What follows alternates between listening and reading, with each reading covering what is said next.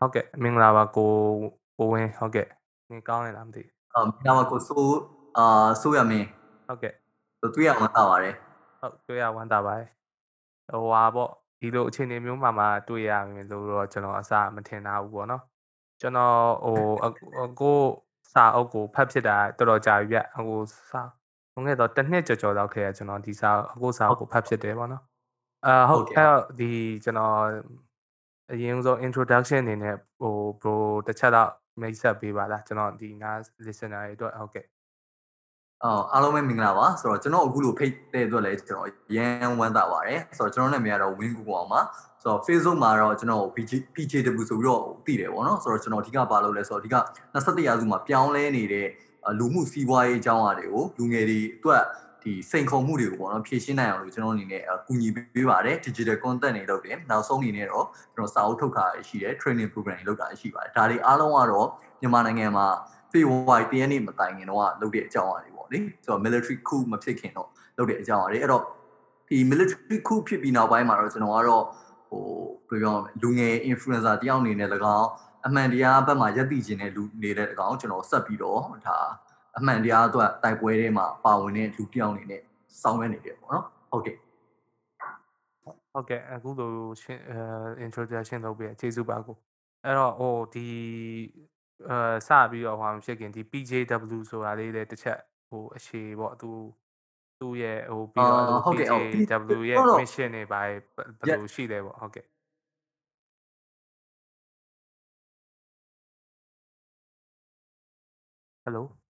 Hello Hello အော်ဟုတ်ပြီကြားလားမသိခင်ဗျာကြားကြားရပြီကြားပြီခုနအတန်ပြောက်သွားလို့ဟုတ်ကဲ့โอเคဟို PJW ရဲ့အဓိပ္ပာယ်နဲ့ PJW ရဲ့ mission ပေါ့နော်ဆိုတော့အဓိကတော့ PJW ကကျွန်တော် project wing ခင်ဗျာဆိုတော့ project ကတော့ကျွန်တော်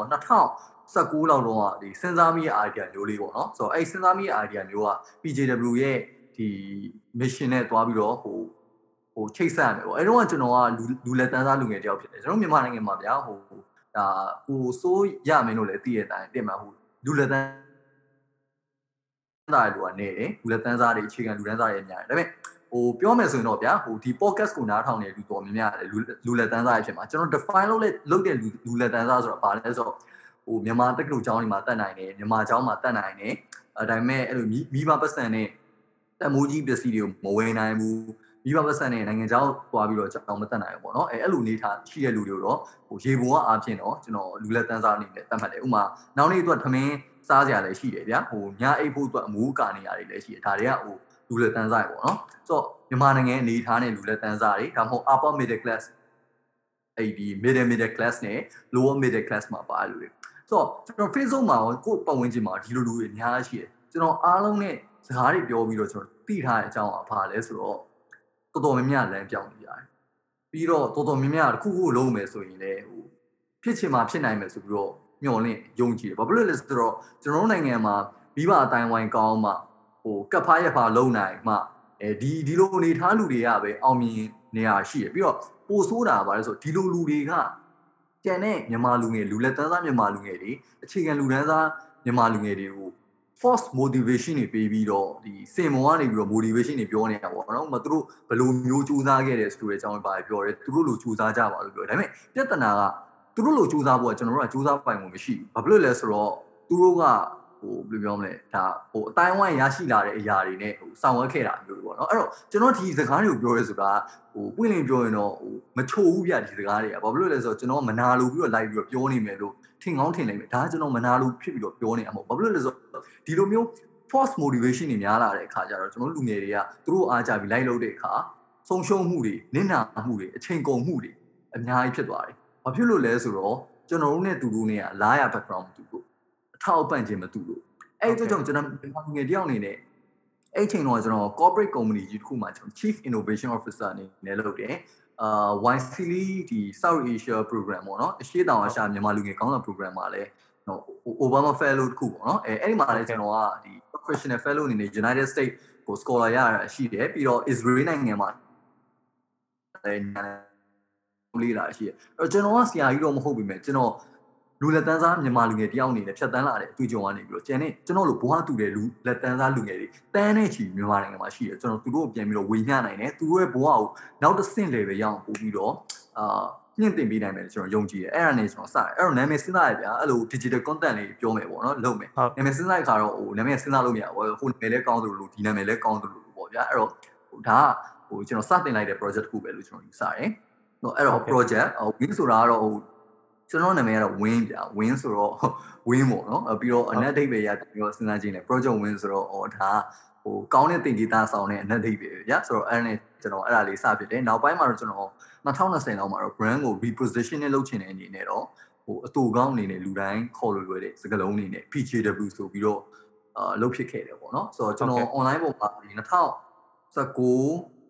အာ18 18ကနေစလာတဲ့ဟာဒီ19မှာလည်း ဟိုပျော်စရာတွေအခက်အခဲတွေအများကြီးရှိတယ်20မှာလည်းပျော်စရာအခက်အခဲတွေအများကြီးရှိတယ်အခု21မှာလည်းပျော်စရာတွေရောကြီးပို့ပြီးတော့ကြီးမားတဲ့အခက်အခဲတွေရောရှိတယ်ပေါ့ဗျာဆိုတော့ဟိုဆက်ပြီးတော့သွားနေတော့မှာဒါ2019 18ရက်စရဆို19 20 21တော့နှစ်နှစ်ကျော်ဒါဘုံနှစ်နီးပါးတဲ့ဝင်ရောက်လာပြီပေါ့နော်ဆိုတော့ဟုတ်ကဲ့အဲ့ဒါလေးပါဒါကတော့ကျွန်တော်ဘာကြောင့်စဖြစ်ခဲ့တယ်နဲ့ဟိုဘာယူချက်နဲ့စဖြစ်ခဲ့တယ်ဆိုတဲ့အကြောင်းလေးပေါ့ ဟုတ်ကဲ့အဲ့မှာလေကျွန်တော်စိတ်ဝင်စားရကိုပြောရတယ်မနှစ်ချက်တော့ရှိတယ်နှစ်ချက်သုံးချက်တော့ရှိဘာလဲဆိုတော့ဟိုအဲဒီလမ်းပြောက်တယ်ဆိုတဲ့ဟာပေါ့နော်အဲလမ်းပြောက်တယ်ဆိုတဲ့ဟာရဲ့ပြီးတော့ဒီအာ false motivation ပေါ့နော်ခုနပြောသူအရန်ကြိုးအကိုပြောသွားတဲ့ပုံစံရဆိုတာအဲမိဘ background ကောင်းလို့အဲဟိုအောင်မြင်လာတဲ့လူတွေကအဲစင်မော်တက်ပြီးတော့အဲ့လို အဲ false motivation တွေပေးနေရဆိုတဲ့ဟာရယ်အဲအဲ့နှစ်ခုပေါ့နော်အဓိကတော့အဲ့နှစ်ခုဆိုတော့အဲအဲ့ဒါကိုနည်းနည်းလေးဟိုကိုနည်းနည်းဟိုအခြေလေးဖြစ်ဖြစ်ရှင်းပြပေးလို့ရမှာဟိုလမ်းပြောက်တယ်ဆိုတာဘယ်လိုဘာဘာမျိုးကိုပြောတာလဲပြီးတော့ခုနပြောတဲ့ဒီကျွန်တော်တို့ society မှာဖြစ်နေတဲ့ခုနကတော့ဒီဘာ background အတိုင်းဝိုင်းကြောင့်အောင်မြင်လာပြီးတော့အဲ့လိုမျိုးပြောတဲ့လူတွေ ကိုခုနပြောလို့ပေါ့မနာလို့လို့ပြောတာမဟုတ်ဘူးဆိုတဲ့ဟာကိုနည်းနည်းလေးအဲထပ်ပြီးတော့ရှင်းပြပေးလို့ရမလားဟုတ်ကဲ့ဟုတ်ကဲ့ဟုတ်အဲ့တော့ဟိုပထမတစ်ခုကဆိုပြဒီလမ်းပြောက်တဲ့ကိစ္စပေါ့နော်ဒါဘရာတို့လည်းဟိုတော်များကြားဘူးမယ်ကျွန်တော်လည်းဟိုမြန်မာဒီကျောင်းတက်လာတယ်မြန်မာတက်ကူကပဲအကြောင်းပြီးလာလူပြောင်းနေတဲ့ဟုတ်ကဲ့ဗျာဘာဖြစ်လို့လဲဆိုတော့ဟိုပွင့်လင်းလင်းပြောရရင်ဘာလို့မှမသိဘူးဘာလို့မှမသိဆိုတော့ဟိုကျောင်းကတင်ပေးလိုက်တဲ့ဟာတွေကလည်းအတုံး မတည့်ဘူးလို့တော့မပြောချင်ပါဘူးဒါပေမဲ့သူ့မြန်တဲ့သူတော့အတုံးတည့်ဒါပေမဲ့လက်တွေ့လောကရောက်သွားတဲ့ခါကျရင်ဆိုပြကိုရီးယားအတိုင်းဝိုင်းလည်းမရှိဟိုဘူးမသိဘာမသိပေါ့နော်အဲအဲ့လိုမျိုးတော်တော်များများဖြစ်တယ်အဲ့တော့ဒီအခက်ခဲမျိုးကိုကျွန်တော်ကလည်းဖြတ်လာတဲ့လူငယ်တယောက်အနေနဲ့လမ်းပြောက်တယ်ဆိုတဲ့ခံစားချက်ကြီးကိုလုံးဝနားတယ်အော်ပြီးတော့ဒီဟာကိုထပ်ပြီးတော့ပြောမယ်ဆိုရင်ဒီနေ့ခက်ပူဆိုတယ်ဘာဖြစ်လို့လဲဆိုတော့ဟိုလမ်းကြောင်းတွေများလာနင်းလုံးချင်မှုအတွက်အခွင့်အလမ်းတွေကပိုများလာဗျာရင်တော့ဆိုရင်ဥမာကျောင်းပြီးဘာလုပ်လဲဆိုတော့ပြောဆရာဝန်ကြီးလုပ်မလားအင်ဂျင်နီယာကြီးလုပ်မလားဒါမှမဟုတ်လေအဲ့ဒါမျိုးဖြစ်ဘူးဆိုရင် ဟိုဆိုတော့ပြောရုံးစရေးလုပ်မလားအဲတခုခုပေါ့နော်ဒါပေမဲ့ပွင့်လန်းလာတဲ့အမြ line တစ်တွေပေါ်လာ line တစ်တွေဆိုဆိုပြောဟို digital marketing လုပ်မလားအဲဒါမှမဟုတ်ဆိုပြောတယ် make up artist လုပ်မလားပြင်မလားဟို digital art လုပ်မလားဟို my business လုပ်မလားသူ line တွေများလာတော့လမ်းပြောက်တဲ့ဟာပူဆိုတာအဲ့တော့ကိုကဘာရည်ချင်းရှိမယ်ဟိုကိုကိုကဘယ်နေရာမှာကျွမ်းကျင်မယ်ကိုကကိုလည်းမတဲခွင့်နိုင်ဒါဟိုအဲ့လိုမျိုးဖြစ်တဲ့လူတွေကလည်းအပြစ်မဟုတ်ဘူးကျွန်တော်ကျွန်တော်ပေးခြင်းနဲ့ပြောခြင်းနဲ့ဟာဘာလို့အဲ့ဒါ normal ပဲ ဒီလူလူလက်တန်းသားလူငယ်ကြီးဆိုအဲ့ဒါ normal ဘာလို့ဆိုကျွန်တော်တို့ဖြတ်တန်းခဲ့ရတဲ့ပညာရေးအနေနဲ့ကျွန်တော်တို့ကဘယ်နေရာမှာထူးချွန်လဲဘယ်နေရာမှာမထူးချွန်တော်တော်များများတီးခွင့်မရှိတီးခွင့်လည်းအခြေအနေမပေးဘူးဟိုတီးဆောက်ထားတဲ့စနစ်အရာပေါ့နော်ဆိုတော့အဲ့အတွက်ကြောင့်ကျွန်တော်ကလူငယ်တွေကိုဘယ်လိုမျိုး encourage အမြဲလုပ်လဲဆိုဆိုတော့ကိုယ့်ရဲ့ဒီ self interest ကိုယ့်ရဲ့စိတ်ပါဝင်စားမှုကိုယ့်ရဲ့အားသားချက်တွေကိုဘယ်လိုမျိုးဟိုရှာဖွေရမလဲဆိုတဲ့အကြောင်းအမျိုးတွေအများတိုင်း ကျွန်တော်အတွေ့အကြုံတွေအစဉ်ပြောပြောလို့ရှိရပေါ့ဒါပေမဲ့ကျွန်တော်အတွေ့အကြုံဆိုတာလည်းဟိုအမြင်မှန်နေမှာမဟုတ်ဗျာကျွန်တော်ကရန်ကုန်မြို့မှာရှိတယ်ဒါပေမဲ့ဒီဟာကိုဆိုပြောတဲ့ရန်ကုန်မြို့မဟုတ်တဲ့ခြားမြို့ကလူဆိုရင်လည်းဒါကျွန်တော်နဲ့တူချင်မှတူပါအာဒါမှမဟုတ် main ကလေးဆိုရင်လည်းအဲကျွန်တော်နဲ့တူချင်မှတူပါအဲအစရှိတဲ့ဖြစ်ပေါ့နော်ဟိုဘယ်လိုပြောမလဲလူတိုင်းကဆိုပြောတဲ့မတူညီတဲ့ background မတူညီတဲ့ရေကန်ရေကန်ကနေပြီးတော့မွေးလာတာအဲ့တော့ကျွန်တော်ထက်ချမ်းသာတဲ့လူတွေလည်းအများကြီးရှိလို့ကျွန်တော်ထက်စင်းရဲလူတွေလည်းအများကြီးရှိတယ်ကျွန်တော်ထက်ပညာတတ်တဲ့လူတွေလည်းအများကြီးရှိလို့ဟိုကျွန်တော် လောက်အခွင့်ထူးမရရှိတဲ့လူတွေလည်းအများကြီးရှိတယ်ပေါ့နော်အဲ့တော့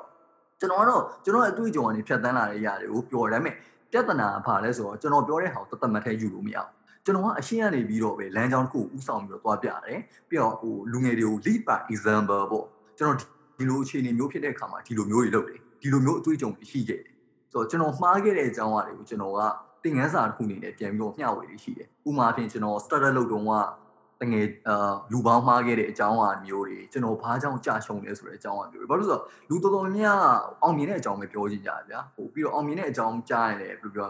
ဟိုပို့ပြီးတော့ဖတ်နားထောင်ရတာပို fee ဖြစ်တယ်ဒါပေမဲ့ကျွန်တော်ကကြာဆုံးတဲ့အကြောင်းတွေကိုပို့ပြီးတော့နားထောင်ရတာကြိုက်တယ်ဘာဖြစ်လို့လဲဆိုတော့ဒီဟာကဘယ်ဟာလုပ်ရင်ဘယ်လိုကြာရှုံးတတ်တယ်ဆိုတော့သိလို့ဒါပေမဲ့ဟိုလူများအောင်မြင်တဲ့ဟာလိုက်ပြီးတော့ကြည့်ရင်ဥပမာကျွန်တော်လည်း Elon Musk အောင်မြင်တဲ့ဟာကြိုက်တယ်ဒါပေမဲ့ကျွန်တော် Elon Elon Musk ဖြစ်ဖြစ်နိုင်မှာမဟုတ်ဘူးသိရမလားအဲ့တော့ သူများကြာရှုံးတဲ့ဟာတွေကိုလေ့လာရင်ကိုကဒီလိုမျိုးမဖြစ်အောင်လို့တော့ queue site လို့ရတယ်အဲ့တော့ကို့မှာကြာရှုံးနိုင်ကြီးတစ်ခုနေသွားနိုင်တယ်ဒါကကျွန်တော်ရည်ရွယ်ချက်ပေါ့အဲ့တော့ကျွန်တော်ရဲ့အမှားအသွင်ကြုံတွေကိုကျွန်တော် share တာမျိုးလုပ်တယ်တကယ်လို့ကျွန်တော်ကဒီအခြေအနေရောက်သွားဆိုရင်ကျွန်တော်ဘာလုပ်မလဲဆိုတော့အဲ့တော့ဟိုအကုန်လုံးပဲဗျာလုပ်ငန်းကိုရအကြောင်းတွေအစသိရမလားဟိုဘယ်ပြောမလဲရည်စားထားတဲ့ကိစ္စတွေအထိအဲသိရမလားကျွန်တော်ဒီမျိုးလေးဟိုလူငယ်နဲ့ engagement ပုံစံမျိုးရရတဲ့ digital content မျိုးလေးဖန်တီးဖြစ်တယ်ပေါ့အဲ့တော့လမ်းကြောက်တဲ့ဟာကဟိုလူတိုင်းမှာကျွန်တော်စောစောပြောလို့မတူဘူး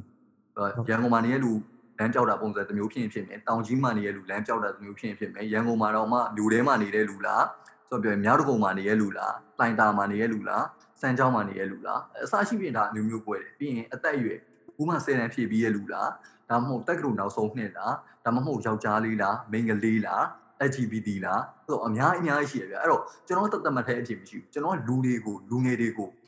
ဟိုဘယ်လိုပြောမလဲအခက်ခဲတွေကို ကိုယ်တိုင်ကြော်ဖြတ်နိုင်အောင်တခြားလူတွေရဲ့အခက်အခဲတွေကိုလေ့လာပြီးတော့ကြော်ဖြတ်နိုင်အောင်ဟိုဒါလုပ်ပြီးရပါတော့လမ်းပြောရဆိုပြင်တော့အချင်းချင်းအောင်ဗျာဥမာဟို Netflix ဒါအကုန်လုံးဒါလူငယ်လေးရင်းနှီးနေတာ Netflix ကြည့်တယ် Netflix ကြည့်တယ်ပေါ့နော်ဆိုတော့တကယ် actual Netflix ဒီကြည့်တဲ့အချိန်ထက်ထွေလာကြည့်ပြီးတော့ဟိုမျိုးရုပ်ရှင်ရွေးနေတဲ့အချိန်ကပို့ပြီးတော့များတယ်ပေါ့နော်ဒါဒါလည်းဟိုဒါမျိုးဖြစ်ဘူးနဲ့တဲ့တည်မလားအဲ့တော့အဲ့လိုမျိုးရွေးနေအဲ့တော့ဒီနေ့ဒီလိုမျိုးဟို paradigm of choices ပေါ့ရွေးချယ်စရာတွေအများများတယ်ဗျာအဲ့တော့ကြောင့်တော်တော်ကြီးကိုပြောမလဲလမ်းပြောင်းနေကြကျွန်တော်တို့ကျွန်တော်ငငယ်တော့ဒီလောက်မမြအောင်ဒါပေမဲ့ဒီနေ့ခေတ်ကပို့ပြီးတော့များလာအဲ့အတွက်ကြောင့်လမ်းပြောင်းနောက်တစ်ခုက social media မှာသိမှာ social media လူတိုင်းကတော့ကိုအောင်မြင်တာတွေပဲလောက်တာပေါ့ဟာငါတငယ်ချင်းကတော့ဘယ်လိုတွေဖြစ်နေပြီငါကျတော့ဘယ်လိုမှမဖြစ်သေးဘူးလားလူတိုင်းအဲ့လိုမျိုးထုတ်တော့မပြောဘူးမယ်ချို့တွေစိတ်ထဲမှာရှိတတ်ကြတယ်ဗျာသိလားအဲ့တော့ဟိုဒါဒါမျိုး paradox of choices တွေများလာတဲ့အတွက်ကြောင့်ဘာလို့မှမသိဘူးလမ်းပြောင်းတယ်ဘယ်ရုပ်ရှင်ကိုကြည့်ရမှမသိဘူး လမ်းပြောင်းအဲ့တော့တခုခုရွေးချယ်လိုက်အဲ့ဒီတခုခုကိုလုပ်ကြည့်လိုက်လုပ်ကြည့်လိုက်လို့မရဘူးဆိုရင်တော့ဒါဟိုနောက်ဟိုကျွမ်းကျင်တဲ့ဟာတခုကိုပြောင်းဒီဟာကကိုယ့်ရဲ့ list တွေကပယ်ထုတ်လိုက်တော့အဲအဲ့လိုမျိုးနည်းနဲ့ပဲကျွန်တော်ဖြတ်တန်းခဲ့တယ်ပေါ့နော်ဒါမျိုးလေးတွေကျွန်တော်အမြဲဟိုလူငယ်တွေကိုရှင်းတယ်ဒါပေမဲ့တယောက်နဲ့တယောက်ဆိုကျွန်တော်စောစောပြောလို့လာတဲ့အခြေအနေရဖြစ်တည်နေမှုရမတူတဲ့အတွက်ကြောင့်ဒါဟိုတသက်မှတ်သေးဒီ one size fit all solution တခုတော့မရှိဘူးပေါ့နော်အဲအဲ့လိုမျိုးတွေအဲ့ဒါတွေကျွန်တော် အာဟိုလောက်ပါတယ်ပြီးတော့နောက်တစ်ခုကကြတော့ဆိုပြောအော် force motivational speaker တွေ force ထုတ်တွေပေးတဲ့ဟာတွေပေါ့နော်ဟောဒါဒါလည်းဟိုဒါဘရာလည်းမြင်မှုမှာအချို့တွေကြတော့ဆိုပြောတယ်ဟို motivation ဘာညာသူတို့ဘယ်လိုစူးစမ်းခဲ့ကြအောင်ပြောရဗျာဒါပေမဲ့ကျွန်တော်သူတို့မိဘဆိုရင်တော့ဟိုသူတို့မွေထားမိတော့တော်တော်ဝဲနေမှာပဲလို့ထင်တယ်ဘာဖြစ်လို့ဆိုတော့သူတို့မိဘတွေတော့အထောက်ပံ့ကောင်းကောင်းပေးထားတာသူတို့ကစင်မြင့်ပေါ်မှာဘဝဇန်းနာအကြောင်းတွေပါပြောနေရပေါ့နော်အဲ့တော့အဲ့တော့အဲ့ဒါကြီးအဆင်မပြေဘူးဗျာဆိုတော့အဲ့ဒါကြောင့် ကိုကတောင်တယောက်ကိုလေးစားမယ်ဆိုရင်ဟိုဇုံတယောက်လေးစားမယ်ဆိုရင်သူနဲ့ကိုယ်နဲ့ background တူတာဆိုတော့ကြည့်တယ်ကျွန်တော်ဒီဒီ message ကိုပဲအချိန်ချင်းပြီးတယ်ဘာလို့ဆိုတော့ကျွန်တော်မြန်မာနိုင်ငံမှာအရန်မှားကြဗျာကျို့မှာနိုင်ငံခြားမိဘပတ်စံနဲ့အကြောင်းတက်တယ်ဗျာသိရမလားဟိုပြီးတော့ပြန်လာဟိုကျွန်တော်မနာလို့ဖြစ်တာပေါ့အဲ့ဒါပြောနေကျွန်တော်မနာလို့ဖြစ်တယ်ဒါပေမဲ့ကျွန်တော်မနာလို့ဖြစ်တာမဟုတ်ဘူးဘာလို့လဲဆိုတော့သူတို့လုံနိုင်တဲ့အနေထားလောက်ထိကိုကျွန်တော်ဆရာကြီးလည်းမဟုတ်ဘူးသူတို့လုံနိုင်တဲ့အနေထားထိကိုကျွန်တော်မိမပတ်စံပြယူပဲနဲ့လုံနိုင်ခဲ့တယ်ဆိုတော့ဒါကိုကျွန်တော်ဂုဏ်ယူတာမဟုတ်ဘူးဒါပေမဲ့ကျွန်တော်ကကျန်တဲ့မြန်မာလူလက်သန်းသားလူငယ်တွေ သူကလမ်းကြောင်းမှန်ကိုရအောင်လို့ကူညီပေးခြင်းတဲ့တဘောပဲဟုတ်ဟုတ်ကဲ့အချို့နိုင်ငံခြားနေပြီးပြန်လာတယ်သူနိုင်ငံခြားကြောင်းပြန်လာတယ်ဘာစူးစားတယ်ညာစူးစားဒါပေမဲ့ဟိုဘရာစဉ်းစားပြီးတော့တော်တော်များများလူငယ်တွေကဒါမျိုးအခွင့်အရေးမရနိုင်ကြအောင်မိဘပတ်စံနဲ့အနောက်နိုင်ငံသင်ရှားတဲ့ university မှာပတ်စံအများကြီးပေးပြီးတော့တက်နိုင်မလားဒါကြီးကမလွယ်ဘူးဆိုတော့အဲ့တော့ဒီလူတွေကဒီကိုပြန်လာပြီးတော့ contribution လုပ်ချင်တာအမှန်ကောင်းတယ်စိတ်တက်ကဒါပေမဲ့ဟိုစောစောပြောလူငယ်တွေစီဟို force hope တွေပေးပြီးတော့ inspiration ရခြင်းနဲ့ ရည်ရွယ်ချက်နဲ့တော့မလုပ်သင့်ဟုတ်သူကရည်ရွယ်ချက်ရှိရှိလုပ်တာလည်းဖြစ်ရင်ဖြစ်မယ်မလုပ်တာလည်းဖြစ်ရင်ဖြစ်မယ်ပေါ့နော်ဒါပေမဲ့ဟိုရွေချက်နဲ့မလုပ်ပင်နဲ့ကိုယ့်အကူ sharing လုပ်ချင်လို့မျှဝေတဲ့ပုံစံတော့ဖြစ်ကောင်းဖြစ်နိုင်တယ်ကျွန်တော်ထင်ဒါပေမဲ့အဲ့လိုလုပ်တဲ့ပုံစံကဟိုလူငယ်တွေအတွက် effective မဖြစ်ဘူးကျွန်တော်အနေနဲ့ယူဆရပေါ့နော်ဆိုတော့အဲ့အတွက်ကြောင့်ကျွန်တော်ပေးခြင်းနဲ့မတဲ့ဥပမာကျွန်တော် အားကြလူရှိမယ်ဗျာ for example ကျွန်တော် Jeff Bezos ကိုအားကြမယ်ထား Amazon Amazon founder Jeff Bezos ကျွန်တော်မဖြစ်နိုင်ဘူးဒါသူက American နိုင်ငံသား American နိုင်ငံမှာလုပ်တာဗျာဒါကျွန်တော်မြန်မာနိုင်ငံမှာဒါမျိုးလုပ်မယ်ဆိုရင်ကျွန်တော်ဒါမဖြစ်နိုင်ဘူးပေါ့အဲအဲ့လိုမျိုးပေါ့နော်အဲ့တော့ဟိုလူတိုင်းမှာမတူညီတဲ့ background မတူညီတဲ့အနေအထားမတူညီတဲ့ဒီဆိုပြပညာအရေးချင်းတွေရှိကြရဲဆိုတာကိုဘဝတလန်ကိုကိုတာရှာ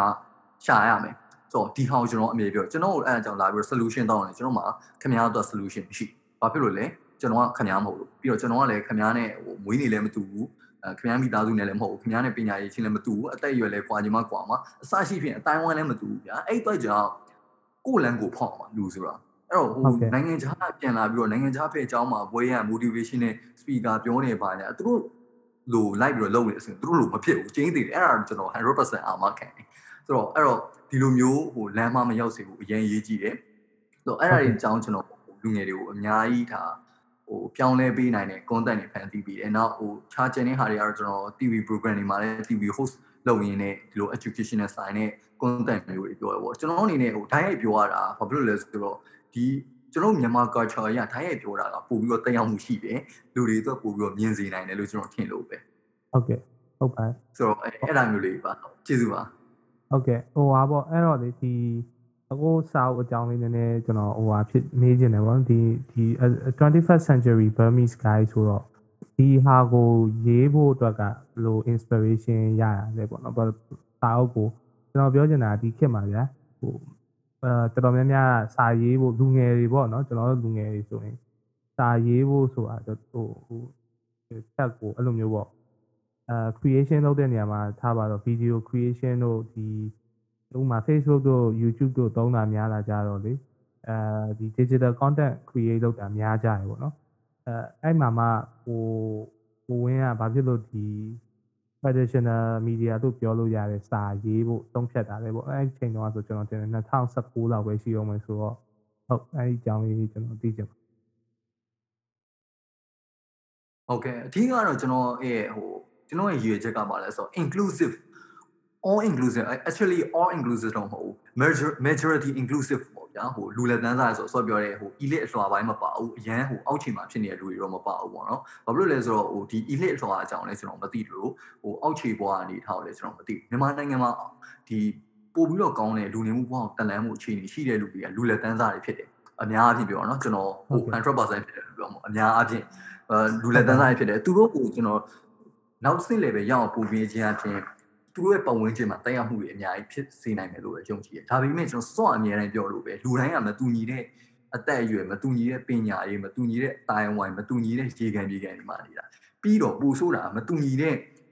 လေးလာတင်ယူမှုပုံစံမျိုးတွေရှိတယ်။တချို့တွေကျွန်တော်နဲ့ online class video နဲ့ဒီ online class တွေအပတ်စဉ်လုပ်တာမျိုးရှိတယ်။ That's good ။ဒါပေမဲ့တချို့တွေကြတော့ဆော့ပြောတဲ့ဟို limited internet ပဲရတဲ့လူမျိုးရှိတယ်။တချို့အိမ်မှာ wifi မရှိတဲ့လူတွေရှိတယ်။တချို့တွေကြတော့ဆော့ပြောတဲ့ဟို ဖုန်းနဲ့ကြည့်ရတာကိုတိတ်ပြီးတော့သဘောမကျတဲ့လူရှိတယ်တချို့ကဗီဒီယိုကြည့်ပြီးတော့စာသင်ရတာသဘောမကျတဲ့လူရှိတယ်အဲ့တော့ channel တွေကအများကြီးကျွန်တော်တို့ဖွင့်ရမယ်ဘာဖြစ်လို့လဲဆိုတော့ကျွန်တော်ရဲ့ရည်ရွယ်ချက်ကိုကလူဟောင်းများစွာကိုတက်ရောက်မှုတွေ positive တက်ရောက်မှုတွေဖြစ်စေခြင်းရည်ရွယ်ချက်ပဲအဲ့တော့အဲ့ဒီအတွက်ကြောင့်စာအုပ်ကတော့ကျွန်တော်ရဲ့ဒီဒီ theory of chain ထဲမှာပါဝင်တဲ့ channel တွေကတခုပေါ့နော်အဲ့ဒီအတွက်ကြောင့်ကျွန်တော်အနေနဲ့ဟိုစာအုပ်ကလည်းပုံပြီးတော့တက်ရောက်မှုတွေအများကြီးဖြစ်စေနိုင်မယ်ဆိုတော့ညှော်လင်းချက်တစ်ခုနဲ့ထုတ်ဖြစ်ခဲ့တယ်ဒါပေမဲ့ဟိုဘယ်လိုပြောမလဲ ဟိုမမျှော်လင့်တာတခုကတော့ကျွန်တော်အားပေးရလူတွေအများကြီးရှိနေတယ်ဆိုတော့ပို့ပြီးတော့သိလိုက်ရတယ်ဗျာဆိုတော့အဲ့ဒါတော့ဝမ်းသာမှုပြီးပြီးတခုဖြစ်တာပေါ့နော်ဟုတ်ကဲ့ဟုတ်အဲ့တော့ဒီဒီဒီစာအုပ်အကြောင်းပေါ့နော်ဒီ 21st century Burmese guy ဆိုတော့ဟိုဒါကဟိုကိုဟိုဘယ်လိုခေါ်မလဲကိုဝင်းကိုကကိုကိုပေါ်မှာကိုအခြေခံပြီးတော့ရေးထားတာဒါမှမဟုတ်အဲ့လိုမျိုးအဲ research တွေပါအဲ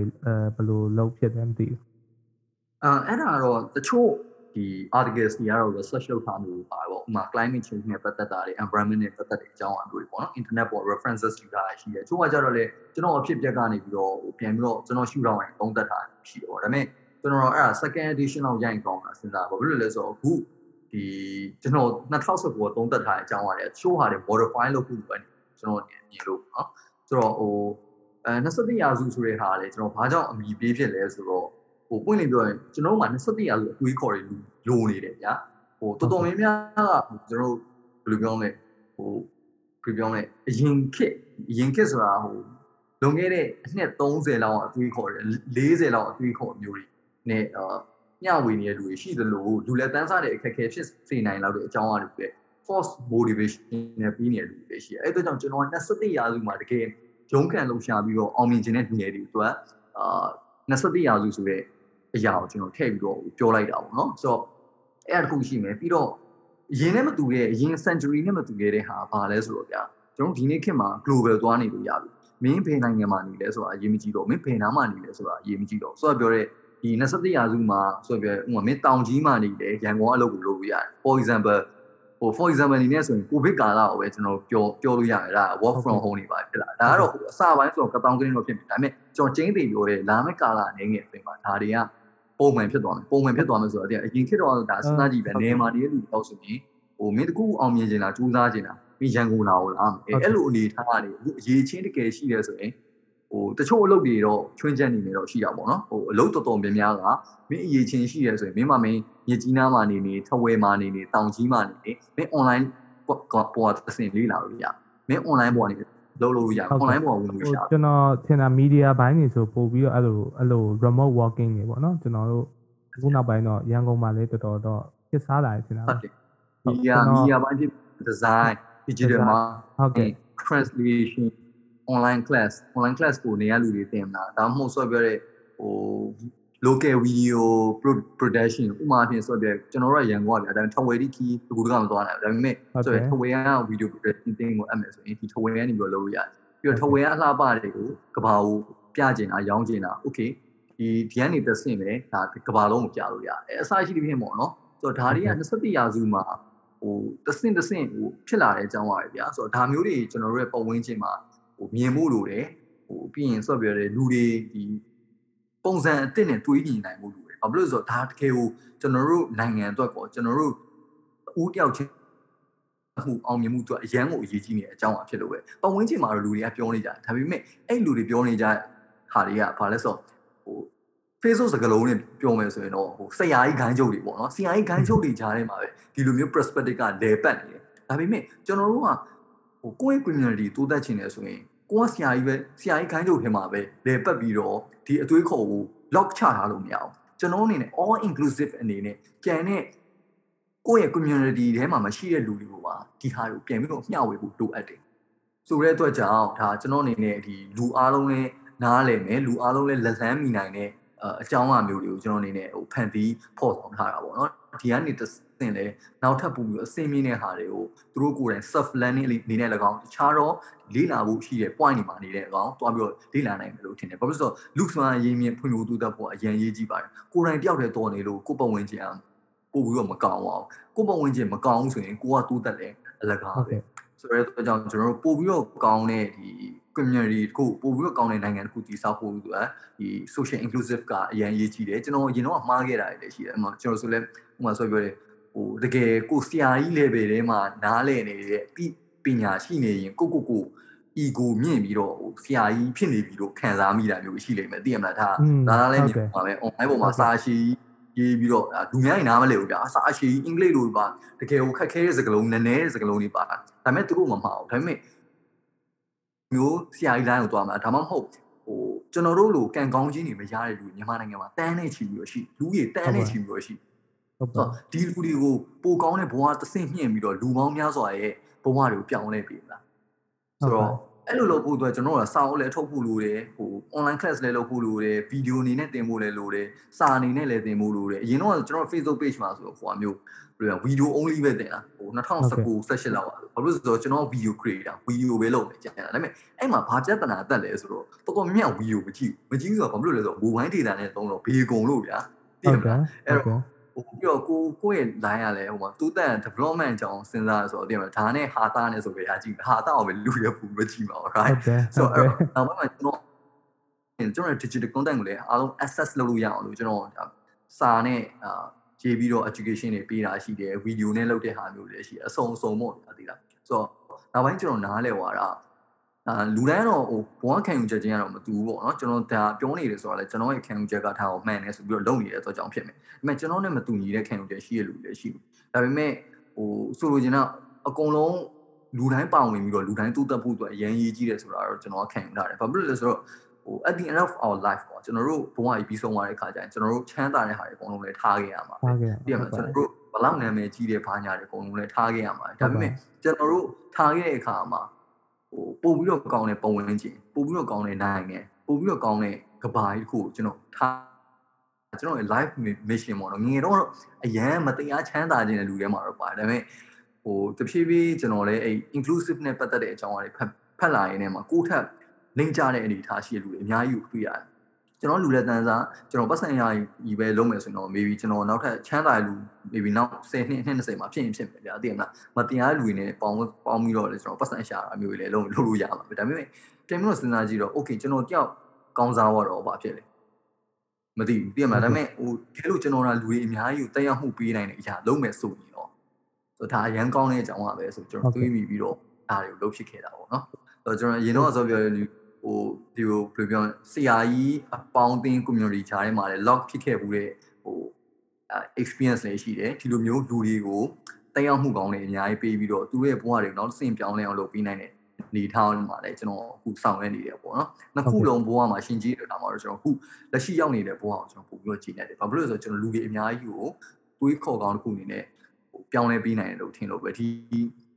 21ရာစုမြန်မာလူငယ်တယောက်ဆောင်အနေနဲ့ကတော့ဆိုတော့ပြောတဲ့လူငယ်တော်တော်များများသူတို့ရဲ့အမြင်တွေအတွေးခေါ်တဲ့တရားဝိုင်းလို့ကျွန်တော် online မှာရောဒါတိုင်းရိုက်ဆက်သွယ်မှုတွေအရာကျွန်တော်ပြန်ပြီးတော့ကြားရတယ်ဗျာအဲ့ဒီအတွက်ကြောင့်ကျွန်တော်ဟိုပြောမလဲအရန်ဝမ်းတာတယ်ပေါ့နော်ဒါပေမဲ့အချို့လူတွေတော့ဒီအကြောင်းအရာ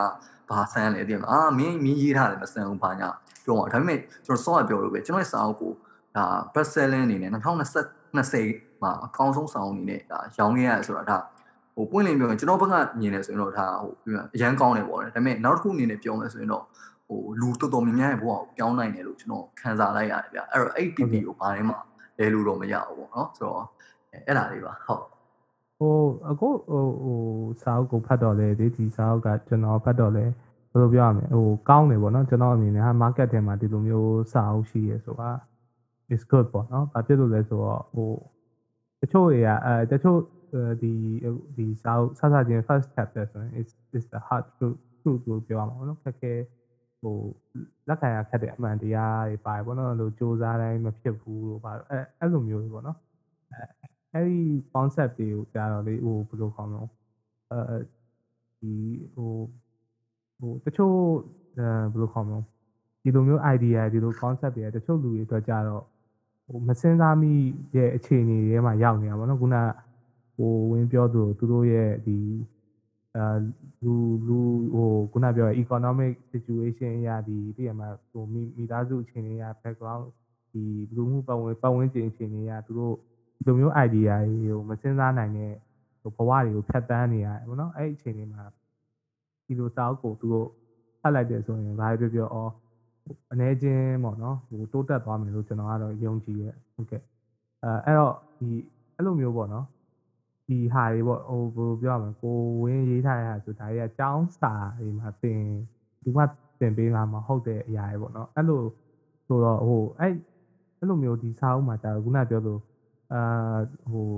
ကြိုက်တဲ့လူတွေလက်ခံတဲ့လူတွေကျေးဇူးတင်တဲ့လူတွေရှိတယ်အဲ့လိုမျိုးဟို criticize လုပ်တဲ့လူတွေတော့ရှိလားမသိဘူး။အော်ဒါကတော့ဟိုဘယ်လိုပြောမလဲဟိုကျွန်တော်တော့ထား social influencer တယောက်အနေနဲ့တော့ဒီမှာကြိုက်တဲ့လူတွေလည်းရှိလို့ကျွန်တော် ဟိုပေါ်တင်ဟိုဝေဖန်တဲ့လူရောဟိုပေါ်တင်မဟုတ်ဘဲနဲ့တွဲဝိုင်းဝေဖန်တဲ့လူတွေရောရှိတာပဲဘာလို့လဲဆိုတော့ဘာအနေနဲ့ဘယ်ရမဆိုကြည့်လိုက်ဗျာဘယ်လူပုဂ္ဂိုလ်မဆိုကြည့်လိုက်ကြိုက်တဲ့လူတွေလည်းရှိလို့မကြိုက်တဲ့လူတွေလည်းရှိတာဥမာအပြင်ဟိုဘယ်ပြောမလဲဒေါန်ဆန်းစုကြည်ကိုကျွန်တော်တို့ဒါဟိုသူ့ရဲ့ဟိုဒီအနစ်နာခံမှုတွေသူ့ရဲ့ဆောင်ရွက်မှုတွေကိုကျွန်တော်လေးစားတယ်အဲဒါပေမဲ့သူ့ကိုမကြိုက်တဲ့လူတွေလည်းရှိတာပဲကဘာပေါ်မှာဆိုတဲ့ဥမာ you name it ဗျာဟိုပြောလိုက်ဥမာနာမည်ကြီးတဲ့လူကြောက်ပြောလိုက်ဘေခိတ်လား ဟိုအဆိုတော်ထဲမှာဆိုလဲအမီနန်လားအစရှိပြီပေါ့နော်ပြောလိုက်သူမကြိုက်တဲ့လူတွေလေတပုံတစ်ခေါင်းကြီးပဲသိရမလားဟိုအော်လုံးဝထောင်တဲ့ချီအများကြီးရှိတယ်အဲဒါကြောင့်ကျွန်တော်စာအုပ်ကအောင်မြင်တာနဲ့အမျှဟိုဘယ်လိုပြောမလဲဝေဖန်မှုတွေကလည်းအတိုင်းတာထူကြီးတော့ရှိတာပဲပေါ့နော်ဒါပေမဲ့ဟိုဝေဖန်မှုတွေကတော့ဟိုကျွန်တော်လက်ခံတယ်ပေါ့နော်ချိုးဟာလေးရာဆိုဟိုဘယ်လိုပြောမလဲကျွန်တော်ပထမဆုံးအတွေ့အကြုံကြောင့်လည်းကောဟိုစာအုပ်အထားသူလေးတွေနည်းနည်းမှားယွင်းသွားတာချိုးကြတော့လေ ဝယ်ဖက်ကတာမတန်ဘူးလို့ပြောရလို့ရှိရင်မတန်ဘူးဆိုတော့သူတို့ပါဆိုတော့ငါတို့ဒီဟာဝယ်ဖက်လိုက်တယ်ပေါ့နော်ဟိုဒါပေမဲ့အားလုံးကငါတီးပြီးသားအရာတွေပဲလို့ပြမလားဟိုလူဟဲ့ဟိုလူအများကြိုက်အောင်လုပ်ထားတာပါလို့အစရှိတဲ့ပြင်ပေါ့လေဟိုဒါပေမဲ့အများစုဝေဖန်တာဒီလိုမျိုးပေါ့ဒါပေမဲ့ကျွန်တော်အနေနဲ့ပြင်လို့ကြည့်တော့ဟိုကျွန်တော်သူတို့တော့မရည်ရွယ်ဘူးဗျာသိလားအဲ့တော့ကျွန်တော်လာပြီးတော့ဝေဖန်နေတာလည်းကျွန်တော်ဒါကို take it personally ယူစရာမလိုခံစားနေစရာမလိုဘူးပဲဟိုခံယူရပေါ့နော်သူကြတော့ဟိုဘယ်လိုပြောဒါကြီးကျွန်တော်ကဟိုဘယ်လိုပြောမလဲဟို like စာအုပ်အထားသူလေးလိုအပ်ချက်ရှိတာတော့ဒါလေးကဝေဖန်တာကတော့ဘယ်လိုပြောနည်းနည်းလိုအပ်ချက်ရှိပါကျွန်တော်ကိုယ်တိုင်နဲ့စိတ်တိုင်းမကြခဲ့ဘူးပေါ့နော်အဲအဲ့ဒါလေးကတော့ဟောဟုတ်တယ်ငါနောက်တစ်ခါပြန်ပြီးတော့ improve လုပ်ရမယ်ဆိုပြီးတော့ဒုတိယစာအုပ်ဖြစ်တဲ့ one day တနေ့နေ့မှာတော့လေဒါအဲ့မှာတော့ကျွန်တော်အများကြီး improve လုပ်ထားရပေါ့နော်အဲအဲ့တော့ဟုတ်ကဲ့ဟိုဝေဖန်တာကတော့လူရဲ့သဘာဝဖြစ်တဲ့အတွက်မိဘူးမှဝေဖန်ခြင်းကိုကင်းလို့မှာမဟုတ်အဲ့တော့ကျွန်တော်ဝေဖန်မှုရရှိတယ်ဒါပေမဲ့ဘာဖြစ်လို့ကျွန်တော်မှာဟိုဒီတိကျတဲ့ ဒီပေချာတဲ့ဒီဆိုပြောတဲ့ mission တစ်ခုရှိတယ်ကျွန်တော်ဘာကြောင့်ဒီစာအုပ်ထုတ်တာလဲဆိုပြောတဲ့ဟိုဆရာကြီးတွေကိုဆရာကြီးပြန်ပြီးတော့လုပ်ချင်လို့မဟုတ်ဘူးပြန်ဆရာကြီးတွေဆရာကြီးပြန်ပြီးလုပ်ချင်တဲ့ဟိုမလုပ်လည်းမလုပ်ရဲပါဘူးဘာဖြစ်လို့လဲဆိုတော့ကျွန်တော်ကဆရာကြီးမှမဟုတ်တာသိရမလားဒါပေမဲ့ကျွန်တော်ဆရာကြီးမဟုတ်ပေမဲ့ဟိုကျွန်တော်တော့ဟိုဟိုအခွင့်ထူးခံနေရတဲ့လူတွေကမြန်မာနိုင်ငံမှာတပုံပဲဗျာဒီမှာကျွန်တော်ဆရာကြီးမဟုတ်ပေမဲ့အောက်ဆုံး level ရဲ့လူလည်းမဟုတ်ပါဘူးအဲ့ဒီကြောင့်ကျွန်တော်ကကျွန်တော်ထက်အခွင့်ထူးခံနေရတဲ့လူတွေကိုပြန်ပြီးတော့ဆွဲဖို့အကူအညီလိုတယ် ဆိုတော့ဒီအကူအညီပေးတဲ့အောက်ကလူတွေကိုဆွဲပြီးတော့အကူအညီပေးဖို့လိုတဲ့အရာမျိုးอ่ะတကယ် high level ဆရာကြီးတွေဖတ်တဲ့အခါမှာတော့ဒါကြီးက high level ဆရာကြီးတွေတော့ကတော့သူငယ်တန်းစာတစ်ခုအနေနဲ့လည်းဖြစ်ဖြစ်နိုင်တယ်ဒါပေမဲ့ကိစ္စမရှိဘူးလေသူတို့ကျွန်တော်မကြိုက်ဘူးဆိုတော့ဒါကျွန်တော်ကျွန်တော်ကဆိုပြကျွန်တော်ကူညီပေးခြင်းတဲ့လူတွေကတကယ်ကို under privileged လူငယ်တွေဖြစ်တယ်လူလက်တန်းသားလူငယ်တွေဖြစ်တယ်မြန်မာနိုင်ငံလူလက်တန်းသားလူငယ်တွေဖြစ်တယ်သူတို့တော့တက်ရောက်မှုတစ်ခုရှိတယ်သူတို့ကောင်းသွားတယ်ဆိုရင်တော့ okay ကျွန်တော်ကြည့်ရတယ် ဘာဖြစ်လို့လဲဆိုတော့ကျွန်တော်ဆရာကြီးတွေကိုပြောင်းလဲပေးဖို့မလိုဘူးထင်တယ်ဘာဖြစ်လို့လဲဆိုတော့ကျွန်တော်သူတို့လို့လို့ဆရာကြီးမဟုတ်တဲ့အတွက်ကြောင့်ကျွန်တော်က change maker တယောက်ပြန်ဖြစ်ချင်တယ်ဆိုတော့အဲ့တော့အဲ့လိုမျိုးပဲခံယူတယ်ပေါ့နော်အဲ့ဒါတွေတော့ရှိတယ်ခင်ဗျအဲ့တော့တင်မလားချို့တွေပြောကြအာဒီအမင်းမင်းအောင်ဟိုဖတ်တဲ့ဟာကဟိုမျိုးဆရာကြီးတွေလည်းမပါပါဘူးပါညာပြောလို့ရှိတယ်ကွာဒီအဲ့လိုပေါ်တင်ပါညာဝေဖန်တဲ့လူတွေရှိတယ်ဒါပေမဲ့ဟိုတို့ချို့ပါ Facebook group တွေပါဝေဖန်တဲ့လူတွေရှိတယ်ဒါပေမဲ့အဲ့ကနေပြီးတော့ကျွန်တော်လေ့လာလိုက်တဲ့ lesson ကိုကဖားလဲဆိုတော့ မင်းပါလို့လို့ဝေဖန်မဲ့လူတွေရှိနေပါပဲဒါပေမဲ့မင်းသွားခြင်းနဲ့ဒီမှန်ချက်ပြတ်သားနေသူတွေကတော့မင်းအနေနဲ့ထိခိုက်နေတာမျိုးရှိနေတာဟုတ်ဒါကျွန်တော် being the best seller ဖြစ်ခြင်းနဲ့ဝေဖန်မှုဖြစ်ခြင်းစုံတဲ့အချိန်မှာကျွန်တော်နားလည်လိုက်တဲ့အကြီးဆုံးဘဝသင်ခန်းစာပဲအဲ့ဒါကိုကျွန်တော်ဘာလဲမှလေ့လို့မရအောင်ဟုတ်ကဲ့ဒီဟန်ကောင်းပါဟိုကိုဝင်းပြောတာလေအဲဟုတ်ကဲ့အဲ့တော့ဟိုဟာပေါ့ကျွန်တော်ဒီထဲမှာပေါ့လေဟိုဒီနေ့ဟိုဒီလူငယ်တွေကိုကျွန်တော်ကိုဝင်းခုနပြောသွားတဲ့အထဲမှာပိုကောင်းတဲ့အဲကိုသေးသွားတဲ့အချိန်မှာပိုပိုကောင်းတဲ့ဒီဘာကြီး channel ခြင်းလဲဆိုတော့ကျွန်တော်ထင်တာအဲလက်တွေ့မှာပေါ့နော်ကျွန်တော်တို့ next generation ပေါ့ဒီဒီ Gen Alpha တွေအတွက်ကျွန်တော်တို့အဓိကလုပ်ရမယ့်အလုပ်ကကျွန်တော်ထင်တာကတော့ဒီပတ်ဝန်းကျင်တဘာဝပတ်ဝန်းကျင်နဲ့ပတ်သက်တဲ့ကိစ္စလို့ထင်တယ်ပေါ့ဟုတ်အကိုအနေနဲ့ရောဘယ်လိုမြင်လဲဒါတစ်ကဘာလုံးအနေနဲ့ပြောရမှာเนาะကျွန်တော်ဒါ နိုင်ငံရေးတော့မဟုတ်ဘူးပေါ့ဒါပေမဲ့ကျွန်တော်ဒီမြန်မာပြည်လက်ရှိဖြစ်နေတဲ့အခြေအခြေအနေကိုကျွန်တော်ပြောတာတော့မဟုတ်ဒါပေမဲ့အဲတစ်ကဘာလုံးအနေနဲ့ကြည့်မယ်ဆိုရင်တော့အဲ့ဒါနံပါတ်1ဟိုကျွန်တော်အမြင်ပေါ့နော် issue ဖြစ်တယ်လို့မြင်တယ်ဟုတ်အဲ့ဒါအနေနဲ့ကိုဝင်းကဘယ်လိုသဘောတူတာဒါမှမဟုတ်တခြားအရေးကြီးတဲ့အဲ issue ရှိရလို့ဟိုမြင်မြင်သလားခင်ဗျဟုတ်ဟုတ်ကဲ့ဟုတ် ကျွန်တော်တို့အခုလက်ရှိနေနေတဲ့ပေါ့နော်2021ကာလကမ္ဘာလုံးအတိုင်းအတာနဲ့ဆိုရင်ကျွန်တော်အများကြီးကောင်းတဲ့ဒီလူဘဝကိုရောက်နေပြီဗျာကျွန်တော်တို့ဒါရှေးခေတ်တွေနဲ့ဆိုင်လုံးဝကမ္ဘာသမိုင်းလူသားသမိုင်းမှာအကောင်းဆုံးနေထားပဲဆိုတော့အဲ့ဒါမင်းအေးအကုန်ဖွင့်လို့ရတယ်ဆိုတော့ပြီးတော့မင်းဆော့ပြောတဲ့ဟို communicate လုပ်ချင်တာဘူးကျွန်တော်တို့ဒါ online ပေါ်တဲ့ communicate လုပ်တယ်သတင်းကြည့်ချင်တာအရင်တော့ TV သတင်းစောင့်ကြည့်နေကြတော့ Facebook တန်းပို့လိုက်တာလည်းရတယ်နေရတငယ်ချင်းကိုဝေလွှဲမလားအရင်ခေတ်တော့ဒါဟို wave planning ဘာညာအစရှိဖြင့်ရတယ်နဲ့တွဲလို့ရတယ်ပြီးရင်ဆော့ပြောတဲ့ပြန်မြ life expectancy လူတယောက်ရဲ့တသန်လူတသန်ကျွန်တော်တို့တမိုင်းလေးရှောင်းတော့ဘူးကျွန်တော်လက်ရှိကာလအမြင်ဆုံးတနိုင်နဲ့တနိုင်ကျွန်တော်ပွားကြတယ်မြန်မာနိုင်ငံလိုပြော80ဝန်းကျင်ပေါ့နော်60 80ဝန်းကျင်ရှိတယ်ဆိုတော့ဒါတမိုင်းလေးရှောင်းမှာဆိုတော့အများဆုံးနေတယ်ဆိုတော့ဒါပေမဲ့ဒါပေမဲ့ဘာကဟိုကျွန်တော်တို့ negative impact တွေဖြစ်လာတယ်ကျွန်တော်တို့ဒီလောက်ကောင်းမွန်တဲ့လူအဖွဲ့အစည်းအတိုင်းဝိုင်းမှာနေပြီးမဲ့ကျွန်တော်တို့ လူတမိုင်းတစ်ချောင်းမှာမဖြစ်ဘူးတဲ့အရာမျိုးဖြစ်လာတော့မကြဘူးဆိုတော့ရာဒီဥတုတွေအလွန်မင်းပူပြင်းလာတယ် plastic တွေအများများလာတယ်ပြီးတော့ဆော့ပြောတယ်ဥမာကျွန်တော်တို့ဘိုးဘေးတွေဖြစ်ကြဘိုးဘေးတို့အဖေမေဖြစ်တာကျွန်တော်ဆို30ဝန်းကျင်ထဲမှာရောက်နေပြီကျွန်တော်ဘလောက်ကြိုးစားကြိုးစားတာကျွန်တော်အခုချိန်အိမ်တလုံးကားစီးမပိုင်ဘူးဟုတ်ပါဘူးအဲ့ခေတ်တော့အိမ်လုံးကားစီးရတာ25 30လောက်သူကလည်းသူပိုင်ရဟိုအရန်ကြိုးစားတဲ့လူတော့မဟုတ်ဘူးသူကလည်းသူ normal ပဲဟို အလုပ်လုပ်တဲ့လူဆိုပိုင်ဒါကျွန်တော် social economic situation တွေကပြောင်းလာပဲနောက်တစ်ခုအနေနဲ့ American မှာဆိုလဲဒါအရင်တော့ဒါသူတို့နိုင်ငံက American Dream ဆိုပြီးတော့နာမည်ကြီးတယ်ဒါပေမဲ့အခုသူတို့စီမှာဆိုလဲလူတန်းစားကွာခြားမှုတော်တော်များလာပြီပြင်မှာဥမာလူဟိုဗာလေ90ရာခိုင်နှုန်းတော့နိုင်ငံရဲ့ကျွေးဝချမ်းသာမှုကိုထိပ်ပိုင်း0.1%တော့လူဦးရေကပိုင်ဆိုင်တယ်ဆိုပြီးတော့အဲစစ်တမ်းတစ်ခုမှပေါ်ပြတာအဲအဲ့လိုမျိုးပေါ့နော်ချမ်းသာလူတွေကလည်းပုံပြီးချမ်းသာအဲစင်းရဲတဲ့လူတွေကပုံပြီးစင်းရဲစင်းရဲအဲ့တော့ လူသမိုင်းမှာမဖြစ်ဘူးတဲ့ဒီလိုစင်းရဲချမ်းသာကပ်ကြီးကပို့ပြီးကြီးလာမြန်မာနိုင်ငံမှာတော့အတိအကျဒေတာတော့မရှိဘူးလားဒါပေမဲ့ဟိုဘယ်လိုပြောမလဲကျွန်တော်တို့တွေးကြည့်ုံနဲ့တခါတည်းမှန်နိုင်ပါတိဥမာဘယ်လုပ်ငန်းလဲဟိုလက်ညှိုးထိုးလိုက်ဒါကဆိုပြောတယ်ဟိုဘယ်ပြောမလဲအာနာပိုင်းဒီအာနာပိုင်းဆိုတော့ဆိုပြောတဲ့ဟိုကျွန်တော်တို့မြန်မာနိုင်ငံမှာဘယ်ပြောအာနာပါဝါနဲ့အသုံးပြုပြီးတော့စီးပွားရှာနေတဲ့လူတွေနဲ့မလုကင်းတဲ့အရာတွေပဲဗျာဒါကကျွန်တော်နိုင်ငံရေးလေးပြောမှာမဟုတ်ပုတ်ခတ်ယူပြောမှာမဟုတ်ဒါပေမဲ့အမှန်ပြပဲဗျာသိလားဟုတ်ပါမြန်မာဟုတ်နိုင်ငံပါဆိုတဲ့ ဟိုမင်းဘယ်လောက်ကြိုးစားမင်းကြိုးစားလဲ level တစ်ခုမှာသွားပြီးတော့တက်သွားပါပဲအဲဒါပေမဲ့အဲ့တော့ level တစ်ခုသွားတက်ဒါလည်းကျွန်တော်မဖြေရှင်းနိုင်တဲ့ကိစ္စဗျာလားဟုတ်ဒါပေမဲ့ကျွန်တော်ဆိုလဲကြိုးစားတဲ့ level တစ်ခုမှာသွားပြီးတော့တက်သွားပါဒါပေမဲ့ကျွန်တော်တယောက် level တစ်ခုမှာသွားပြီးတော့တက်တာနဲ့ဆိုင်လူ10ယောက်လောက်ဟိုလူလက်တန်းစားတွေထဲက10ယောက်လောက်ဒီအနေထားထိရောက်လာတယ်ဆိုလဲဒါမှစိုးဗျာအဲကျွန်တော်ရည်ရွယ်ချက်ကလေသိရမှာကျွန်တော်အနေနဲ့ကျွန်တော် follow လုပ်လို့ကျွန်တော်ရဲ့ဘူဘွားကြိုးစားလို့ဘီလီယံနာကြီးဖြစ်သွားမယ်လေကျွန်တော်အာမမခံနိုင် ဘူးဗျာဒါပေမဲ့ဆိုလိုချင်တာကဘာလဲဆိုတော့ကျွန်တော်တို့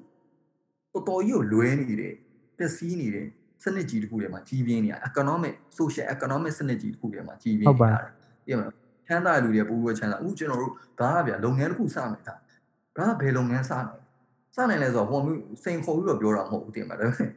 ဟိုကိုစနိုင်တယ်ဥမာစားတော့ဆိုင်တွေတစ်ခုဖွင့်တာโอเคမင်းစားတော့ဆိုင်ဖွင့်တယ်အဲမင်းစားတော့ဆိုင်ဘေးနားမှာနာမည်ကြီးရဲ့လူအတိုင်းဝိုင်းကြီးရဲ့လူကနေစင် မင်းအောင်မြင်လာတယ်ညာမင်းတို့ပုံစံသူပူတော့လိုက်ဖွင့်လိုက်မယ်ပြီးမင်းသက်ဈေးလျှော့လိုက်မယ် discount ပေးလိုက်အဲ့တော့မင်းဘာလုပ်နိုင်လဲ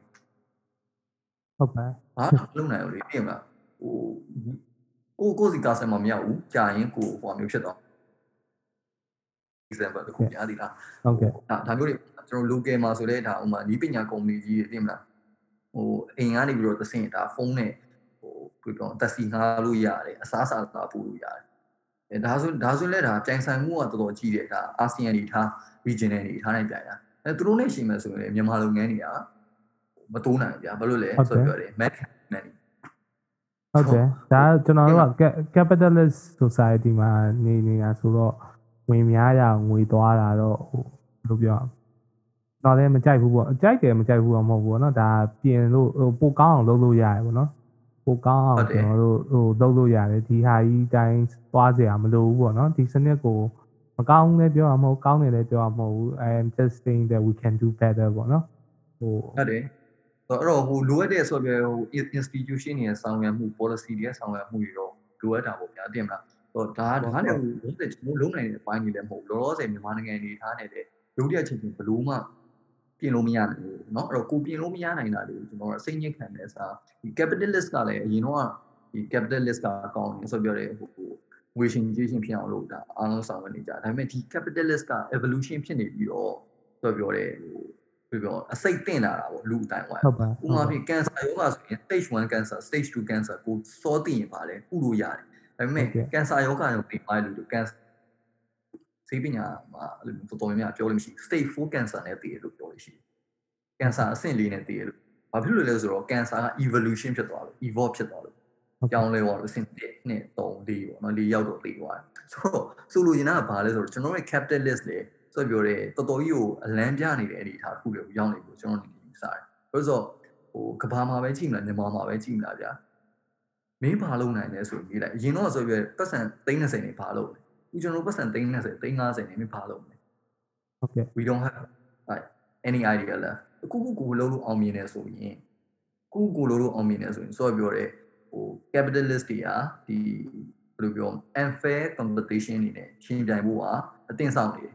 ဟုတ်ပါ local ထဲမှာပဲပြောတာနော် local ထဲမှာပဲပြောတာအဲ့တော့ဒီလိုမျိုးတွေကကျွန်တော် capitalist အနေထားထဲမှာရှိတယ်အဲ့တော့ဒီနေ ပွင့်လင်းလင်းပြောရရင်ဗျာဟိုကျွန်တော်အဲ့လောက်ထိလေဒီဘိုင်းမှာကျွန်တော်မကျွမ်းကျင်ဘူးမကျွမ်းကျင်တဲ့အတွက်ကြောင့်ကျွန်တော်မပြောနိုင်ဘူးဒါပေမဲ့စောပြောတယ် system ကြီးကတော့ broken ဖြစ်နေတယ်ဆိုတော့အဲ့ဒါအပြင်ပို့ပြီးတော့လူသမိုင်းရှောင်းမှာဒါဆိုပြလူလုတ်လူတွေဖန်တီးထားတဲ့ policy institution တွေကြောင့်ဖြစ်လာတဲ့ဟိုအမှားယွင်းဗျာနောက်တစ်ခု ဒေးထွက်ဆိုချိုးလို့ လူလူလောက်တာလည်းဒါပေမဲ့လူတွေ control လုပ်လို့မရတဲ့အပိုင်းอ่ะပါတယ် control လုပ်လုပ်လို့မရတာတော့မဟုတ်ဘူးကျွန်တော်တို့မတိမတာပဲねလှုပ်လိုက် တဲ့အတွက်ကြောင့်တဘာပုံဝင်ချင်းကြီးထိခိုက်သွားတာပေါ့နော်ဆိုတော့ဒါကလူလောက်တာတော့ဖြစ်တယ်ဒါပေမဲ့ကျွန်တော်ဘာ control လုပ်လို့ရလဲဆိုတော့အခုချိန်မှာ control လုပ်လို့တော့မရဘူး prevent လုပ်လို့ပဲတားဆီးလို့ပဲရနိုင်တဲ့အနေအထားရှိဥပမာဖြင့်ကဘာပတ်ဝန်းကျင်ဆိုပြောတဲ့ဟို crisis တွေအရင်ကထပ်ပို့ပြီးတော့ခဏခဏဖြစ်လာတယ်ဒီ21ရာစုမှာဟုတ်ဆိုတော့ဟိုတကယ်ကိုအကြီးမား crisis မျိုးဖြစ်လာတယ်ဟိုဆိုပြောတဲ့ဟိုကဘာမှာဆိုတော့ကျွန်တော်ဒီ21ရာစုမြန်မာနိုင်ငံအနေနဲ့ပဲကြည့်မယ်ဆိုရင်ဟိုမှာ Nagit cyclone ဒါစောပိုင်းဒီ21ရာစုအစောပိုင်း2008မှာ Nagit cyclone ဖြစ်တယ်အဲ့နောက်မှာကျွန်တော်တို့မသိလိုက်တာပါလဲဆိုတော့မြန်မာနိုင်ငံအလဲပိုင်းမှာဟိုရေခမ်းတာတွေပါတယ်ဖြစ်လာတယ်ဟုတ်တယ်ဖြစ်တယ်ကလေးတွေဆိုလည်းမကြမကြလုပ်တယ်ဒီကျွန်တော်တို့စကားပြောနေတဲ့အချိန်မှာဒါပြီးမနှစ်ကဆိုလည်းဒါဝူဟန်ဒါဖြစ်တယ်ဝူဟန်မြို့ကနေပြီးတော့ virus ဖြစ်တယ်မနေ့ကဆိုလည်းဝူဟန်မြို့မှာဟိုလေပြင်းမုန်တိုင်းတွေတိုက်တဲ့အတွက်ကြောင့်ဒါလူတွေပါတေးတာဖြစ်တယ်ပေါ့နော်ကမ္ဘာအနှံ့မှာဒီလို crisis တွေခဏခဏဖြစ်လာ ဒါကဟိုဆော့ပြောတယ်ဖြစ်ချင်လို့ဖြစ်နေတာမဟုတ်ကျွန်တော်တို့ဆော့ပြောတယ်လုံလိုက်တဲ့ကျွန်တော်တို့လောက်တာတော့မဟုတ်ဘူးဗျာကျွန်တော်တို့ရဲ့ရှေ့က generation တွေပေါ့နော်ရှေ့က generation တွေ capitalist အစောပိုင်းကာလလူတွေလုပ်ခဲ့တဲ့ impact တွေကကျွန်တော်တို့မျိုးဆက်မှာလာပြီးတော့ထိရောက်တယ်သူတို့တော့ကလည်းအဲ့လိုလုပ်လို့ဒီလိုဖြစ်မယ်မှန်းတယ်သူတို့လည်းမတွေးမိခဲ့ဘူးဗျာဟုတ်ပါဟုတ်ပါဒီလိုဒီဆိုပြောတဲ့တိတ်ပန်စစ်တမ်းတွေပါလေရှိခဲ့ကြမှာရှိရကျွန်တော်လည်းသိချာတော့မသိဘူးဒါပေမဲ့ဟို ငါတို့နောက် generation တွေတဘာပုံချင်းရိုက်ခတ်မှုဖြစ်ပါစေဟေ့ဆိုပြီးတော့လုပ်ခဲ့တာမဟုတ်တာတော့အမှန်ပဲဒါပေမဲ့သူတို့မတိပဲလုပ်လိုက်တဲ့ကိစ္စကနေပြီးတော့1980လောက်မှာမှဒီဘက်ကရေနံကုမ္ပဏီတွေ sunset တာနေပြီးတော့ကဘာကြီးမှာယာတိဥပြောင်းလဲမှုတွေအာဖြစ်ဖြစ်ပေါ်နေပြီးအဲ့လိုမျိုးအကြောင်းအရာတွေဖြစ်နေပြီဆိုတော့ဒီစစ်တမ်းတွေရှိတာမှာ80နောက်ပိုင်းမှာမှစပြီးတော့ environmental နဲ့ climate change ဆိုတာကခေတ်စားလာအဲ့အရှိတုန်းကတော့သူတို့လူတွေကတော့စက်မှုအငွေခိုးငွေတွေအငြိကြီးတွေကိုဒါရေထဲလွှတ်ပစ်တာတွေတော့လုပ်ခဲ့ရောအဲ့တော့ နှစ်တရာဝင်ကျင်တော့ဒီ industrialization နှစ်တရာဝင်ကျင်တော့ဖြစ်လာတဲ့ဟာကိုကျွန်တော်တို့ user ကဘူးတိပါမသိပခုံးထမ်းနေရတယ်ဒီထားဗျာအဲ့တော့ကျွန်တော်တို့ဘိုးဘွားပြည်ပြင်တွေကိုပဲဟိုပွင့်နေပြောရင်ဒီကမာတော့ဘိုးဘွားပြည်ပြင် generation တွေကိုပဲအပြစ်ပြောရမလို့တော့ဖြစ်နေတယ်ပေါ့နော်ပုံစံက อืม ဆိုတော့ဒါပေမဲ့ကျွန်တော်အပြစ်ပြောနေလို့လည်းဘာမှမတူဘူးဘာလို့ဆိုတော့တော်တော်များများသူတို့ကလူလောကမှာမရှိတော့အဲ့တော့ဟိုရှေ့ဆက်ပြီးဆက်သွားမှာလူလောကမှာဆက်သွားမှာကျွန်တော်တို့ပဲ ဒါပေမဲ့အခုချိန်ထိ เนาะတချို့ဟိုဘယ်လိုပြောမလဲဒီဟို ခုနပြောတဲ့ဒီရေနံကုမ္ပဏီတွေပေါ့နော်သူတို့တွေကတော့ဟို climate change is not real ဒီလို propaganda တွေဟိုလောက်တာရှိသေးရပေါ့နော်ဆိုတော့ဒါလူတွေကြောင့်ဖြစ်တာမဟုတ်ဘူးသူကသူကဘာကြီးကသူ့လိုလိုဖြစ်တာလို့ပြောနေတဲ့လူတွေလည်းဒါဟို policy making ပေါ့နော်ကဘာ policy making ထဲမှာဥမာထားပါထားပါနောက်ဆုံး Trump အထိပေါ့နော် Trump ဆိုရင်ဒီ Paris Agreement America ကိုဖတ်တယ်လို့ပါအဲ့လိုမျိုးတွေပေါ့နော် မျိုးစုံမှာ तू ကတော့တရုတ်ကိုအကြောင်းပြတာပေါ့နော်ဟိုဒါလည်းဟုတ်တော့ဟုတ်ပါတယ်ဟို China ကလည်း तू ကဒါကို control လုံးဝမလုပ်တဲ့အနေအထားမှာရှိရဲဆိုတော့အဲ့တော့ဟိုဒီအဲ့လိုမျိုးခုနကျွန်တော်တို့ပြောတဲ့ဟာနဲ့ပြန်ချိန်ရမယ်ဆိုရင်ဒီကျွန်တော်တို့ရဲ့ဒီဒီ company တွေပေါ့ဒီ company ဒီ capitalism ကြောင့်သူက profit ကို maximize လုပ်ကြတာပေါ့နော် profit ကို maximize ဒီအမြတ်နှုံးပေါ့သူတို့ရဲ့ share holder တွေဒီ company ပိုင်ရှင်တွေအတွက်အမြတ်အစွန်းကိုပဲအဓိကကြည့်ပြီးတော့ဟိုရှင်းရှင်းပြောရရင်တော့စာအုပ်ထဲကကဏ္ဍကိုပဲကြည့်ရလူတွေဆိုတော့ဗျာဟိုသူတို့ကဘာဖြစ်ဟိုဒီဟာကိုဖြစ်နေမှန်းတိတိနဲ့အဲလိုက်ပြီးတော့ဒီလိုမျိုးပေါ့ဟိုမဖြစ်နေတဲ့ပုံစံလိုလိုသူကသူပဲဖြစ်တဲ့ပုံစံလိုလိုလုပ်နေရတယ်တော့ကျွန်တော်ကတော့တိတ်ပြီးတော့ဟိုသဘောမကျဘူးပေါ့နော်ဟုတ်ကဲ့ဒါတော့ကျွန်တော်အမြင်လေး share ရအောင်ဟုတ်ကဲ့ဟုတ်တယ်ဟုတ်တယ်ဆိုတော့အဲ့တော့ဒီ စိုးစောပြောရဟာပေါ့နော် climate change က natural ကြောင့်ဖြစ်တဲ့ဟာဆိုပြီးတော့လေဒီနန် company ပါပြောကြတယ်ဆိုတော့လေဟိုဖတ်မိတယ်ပေါ့နော်ဒါလည်းဖြစ်နိုင်လားဆိုတော့ one of the possibility ဒါပေမဲ့ချိန်သိပြောနိုင်တာကဒီဟာ natural made နဲ့ man made ဂျားကဟို human involvement ဟိုလူတွေကြောင့်ပါတယ်ဆိုတော့သိကြရဗျာကျွန်တော်ပြောချင်တာလူတွေကြောင့်ဖြစ်တာက80ရာခိုင်နှုန်းတဘာဝဖြစ်တာ30ရာခိုင်နှုန်းကအဲ့လိုဖြစ်ရင်ဖြစ်တယ်မယ်ဒါကျွန်တော်အမြင်ပေါ့နော်ဘာဖြစ်လို့လဲဆိုတော့ဟိုဟို transition ကာလကြီးတော့မဟုတ်ဒါပေမဲ့ဒီလို transition ကာလဒီကလည်းကဘာပေါ်မှာရှိခဲ့တယ်ဘာလို့လဲဆိုတော့ကျွန်တော်လူတွေမရှိခဲ့တဲ့ကာလမှာတော့ဆိုပြရေခဲခက်ဟိုဘာဘာခက်ညာခက်ပေါ့နော်အစရှိပင်ဟုတ်ကဲ့အများကြီးဟိုခစ်ပြောင်းလာခဲ့တာဟာအဲ့တော့အခုကျွန်တော်တို့ကလည်းဘာမှမသိတဲ့ဟိုကျောင်းလာတစ်ခုတွားနေတယ်ပေါ့နော်အဲ့တော့ဒီက natural made လားဒါပေမဲ့ man made လား man made ကတော့အများကြီးပြကျွန်တော်တို့ပြင်းမကြည့်နေတည်မှာခံစားကြည့်ရတယ်တည်တာတော့ဟိုတစ်နှစ်ထက်တစ်နှစ်ယာတီခုပို့ပြီးတော့ပူလာတယ်ဒီပူပြီးတော့ရှားလာတယ် ကျွန်တော်တို့ဟို report ခုမှကျွန်တော်ဖတ်ဖို့တယ်2030မတိုင်ခင်မှာကျွန်တော်တို့ဘာတွေမြင်ရမလဲဆိုတော့ mass migration လို့ခေါ်တဲ့အကြောင်းအရာမြင်ရတယ်အဲ့ဒါကကျွန်တော်တို့ရဲ့ဒီ region နားမှာပဲဥပမာအိန္ဒိယဘင်္ဂလားဒေ့ရှ်မြန်မာတရုတ်ဒီ Thai လာအိုကမ်ဘောဒီးယားဒီ region တစ်ခုမှာကျွန်တော်တို့ water နဲ့ပတ်သက်တဲ့အကြီးကြီး crisis ဖြစ်လိမ့်မယ် number 1 crisis ကဘာလဲဆိုတော့ရေရှားပါမှုအခုအထက်မြန်မာပြည်အခြေအနေတွေဆိုရင်ဒါလုံးဝကြည့်ရင်သိတယ်နောက်တစ်ခုကကျတော့ရင်းနှီးမြုပ်မှု ရန်ကုန်ဘန်ကောက်ဒီကျွန်တော်တို့အိမ်ကြီးချင်းနိုင်ငံတွေမှာဆိုရန်ကုန်ဘန်ကောက်ကတော်တော်ကိုဒါ sea level rising ရဲ့အဓိကစိန်ခေါ်မှုအကြီးတွေ့တယ်ပေါ့နော်ဝမ်းနေစရာကောင်းတာကရန်ကုန်ရေမြုပ်မယ်ဆိုတာအဲ့ဒါလုံးဝရှူရတာ2030ကျရင်မြုပ်မယ်ဆိုတာလို့ပြောရမယ်တကယ်ကြီးဖြစ်အဲဖြစ်ဒါဖြစ်တော့မှာဟိုပေါ့ဘက်မြန်ကတော့ issue နဲ့တွက်ချက်ထားတာပေါ့နော်အဓိကဟို reason မျိုးမျိုးရှိရအောင်ဘာလို့ဆိုတော့လူဦးရေများမျိုးပြတဲ့လူဦးရေများများလာနေများ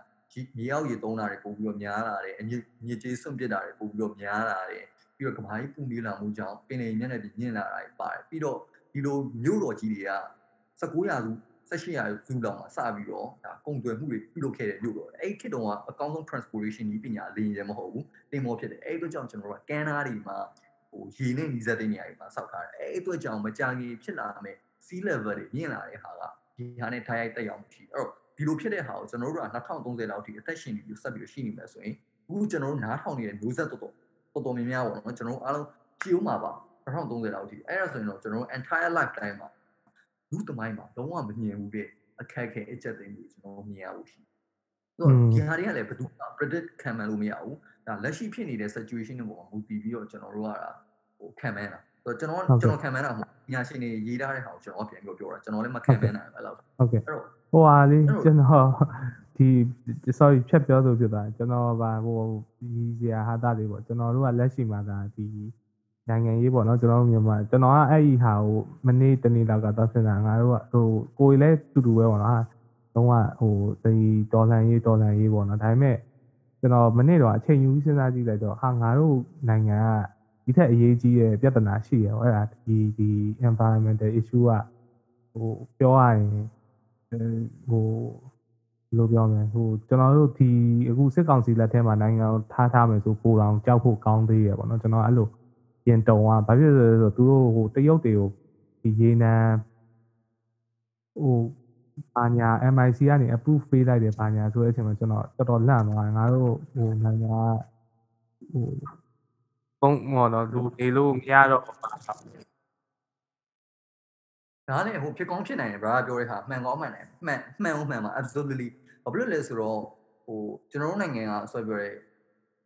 တဘာပြန်ချက်ဒီတက်ရောက်မှုမှာဒါခံရမှုအများဆုံးဖြစ်တယ်ပြီးတော့ဆင်းရဲနှံပါမှုများတဲ့အတွက်ကြောင့် vulnerable အရင်ဖြစ်တယ်ဆိုတော့ဟိုရင်ခစ်တော်ကတော့အတွေးခေါ်လို့ဗျာဟိုစီးပွားရေးဆိုတာဒုက္ခမှုပါဆိုပြီးတော့ကြီးသမျှတွင်းထွက်တွေအကုန်ထိုင်ပြီးတော့ရောင်းနေလို့လည်းမဖြစ်တော့ဘာဖြစ်လို့လဲဆိုတော့ဒီဒီတွင်းထွက်တွေကလည်းကိုကျွန်တော်ထင်တာအကုန်လုံးညီပါလေရှိနေပြီဆက်ပြီးရောင်းနေမယ်ဆို ရင်ကျွန်တော်တို့ကဟိုနိုင်ငံကတခုခုဒီဖြစ်မယ်ဆိုရင်ဘာမှဟိုခံနိုင်ရရှိမှာမဟုတ်ဘူးအထူးအဖြင့်ကျွန်တော်တို့ပြေးပြီးတော့မကြည့်နဲ့ဗျာနာဂစ်ဆိုင်ကလုံးပဲကြည့်မယ်ဆိုရင်ဒါအရင်ပြတာလုံးနိုင်တယ်ပေါ့နော်ပြီးရင်ကျွန်တော်ကရင်ပြည်နယ်ရှမ်းပြည်နယ်အစရှိတဲ့ဒေသတွေခီးထွန်းတယ်အရန်ဝမ်းနေတယ်ဗျာအရန်လှတဲ့တောင်တွေမှာတစ်ပင်တွေမရှိတော့တော်တော်များများဟုတ်ဟုတ်ပါတယ်ကျွန်တော်လည်းအဲ့ဒါတော့တွေ့တယ်ဒါကလည်းဒါကလည်းဟိုအကြက်တဲခက်ခဲတွေကဖြည့်ရှင်းရမယ်21ရာစုမြန်မာနိုင်ငံဖြည့်ရှင်းရမယ်အကြောင်းအရာတွေကအခုပေါ့နော် ဂိမ်းနေရလိုမျိုးပြင်မှာစီမံပိုင်ခွင့်ရှိမယ်ဆိုရင်တော့တဘာပုံဝင်ခြင်းသူကအာပို့ပြီးတော့ဟိုကြိုတင်ပြီးတော့ပြင်ဆင်လို့ရနိုင်တဲ့အစီအမံတွေကိုဦးစားပေးပြီးတော့လုပ်မိပါတယ်ဒါပေမဲ့ဟိုဒါကလည်းကျွန်တော်တို့နိုင်ငံ sustainable ရပ်တည်ဖို့အတွက်ပေါ့နော်ဒါပေမဲ့ဟိုဆရာတောင်းမြုံကိုပြောထားတယ်ဆရာတန်းမြုံပြောထားတဲ့ article တစ်ခုထဲမှာတော့ရှိရလေကျွန်တော်တို့အနေနဲ့ဒီ2020ဝန်းကျင်လောက်ကရေးထားတဲ့ article တစ်ခုထဲမှာပါကျွန်တော်တို့အနေနဲ့ဒါဒီပုံစံတိုင်းဆက်သွားမယ်ဆိုရင်တော့မြန်မာနိုင်ငံကကျွန်တော်တို့ မျိုးဆက်ဒီရဲ့မျက်စိရှိမှထင်မယ်အာပျောက်ကွယ်သွားမယ့်နိုင်ငံတစ်ခုဖြစ်သွားနိုင်တယ်လို့သူ predict လုပ်ပြီးတော့ခံမှန်းထားတဲ့ article တစ်ခုရှိတယ်။ဆိုတော့ဒါလည်းမှန်နိုင်လားဆိုတော့ဟိုဘာပုံစံရှိတော့မှကြည့်မယ်ဆိုရင်တော့မှန်နိုင်တယ်။ဒီဟာကလည်းကျွန်တော်ရဲ့အနာဂတ်ကြီးကိုတော်တော်ကြောက်အောင်လို့စိန်ခေါ်မှုတွေလုပ်ထားလို့ဖြစ်နေတယ်။ဆိုတော့ဟိုဘာတွေဆက်ဖြစ်မလဲဆိုတော့ကတော့ဟိုရုပ်ရှင် series တစ်ခုလိုပဲတော့ဆက်ပြီးစောင့်ကြည့်ရမှာပေါ့။ in the meantime ကျွန်တော်တို့လုပ်နိုင်တာဘာရှိလဲဆိုတော့ထ ပ်ပြီးပြောရမယ်ဆိုလည်းဘာမှမရှိပြန်ဘူး။ဆိုတော့ဘာမှမရှိပြန်ဘူးအဲကျွန်တော်ထင်တာတော့ဟိုလူဒါနာပြရသူရဲ့ဒီကကြီးမားတဲ့ challenge ပေါ့ဟိုလူသမိုင်းမှာတစ်ခါမှမကြုံဘူးခဲ့ challenge ဖြစ်တယ်ကျွန်တော်ပို့ပြီးတော့ကောင်းတဲ့နေမှုဘဝတွေ iPhone တွေဒီဤပညာ internet တွေဒီ BZ တွေမော်တော်ကားတွေရှိနေပြီမဲ့ဒီလိုမျိုးကြီးမားတဲ့စိန်ခေါ်မှုကိုကျွန်တော်တို့ကဖျက်ကျော်အဲနိုင်ပါအဲမလားဆိုကျွန်တော်ထင်တာအဲ့ electronics တွေကားတွေ short သုံးရမယ်လို့ထင်တယ်ဗောနော်ဒါမှကျွန်တော်တို့လည်းဟို ဟို individual responsibility ယူနိုင်မယ်လို့ထင်တယ်ဗောခုနကပြောလို့ aircon သူဆိုလဲအဲဟိုလိုမဖွင့်တယ်လို့ကားဆိုမစီးဘူးဒီအနီးနားဆိုစပိန်နဲ့ပဲတော့အဲ့လိုမျိုး habit လေးတော့ကျွန်တော်တို့ပြင်လို့ရမယ်လို့ထင်တယ်ပေါ့နော်အဲ့ဒီမှာမီမီအားထားပါတော့နော်ဟိုနောက်ပိုင်း LED ပေါ်တဲ့ LED မီးတွေပြောင်းသုံးတာလို့ဘယ်လိုပဲဖြစ်ဖြစ်ပေါ့နော် မီးအား short သုံးတဲ့ပစ္စည်းတွေသုံးတာလို့အဲ့လိုမျိုးတွေတော့ကျွန်တော်ထင်တယ်လုပ်လို့ရမယ်လို့ထင်တယ်ပေါ့နော်အဲကျွန်တော်ကျွန်တော်အမြင်ပေါ့နော်ဒါပေမဲ့အဓိကပြဿနာကတော့ကျွန်တော်ထင်တယ်ပင်လယ်တွေက plastic တွေကတော့အဓိကပြဿနာဖြစ်မယ်လို့ထင်တယ်ဟယ်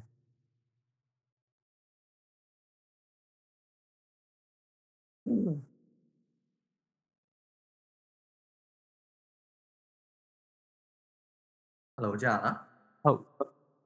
အဲ့တော့ပြန်ပြောပြပါ internet line လေးနည်းနည်းလက်တော့ပါဟုတ်ကဲ့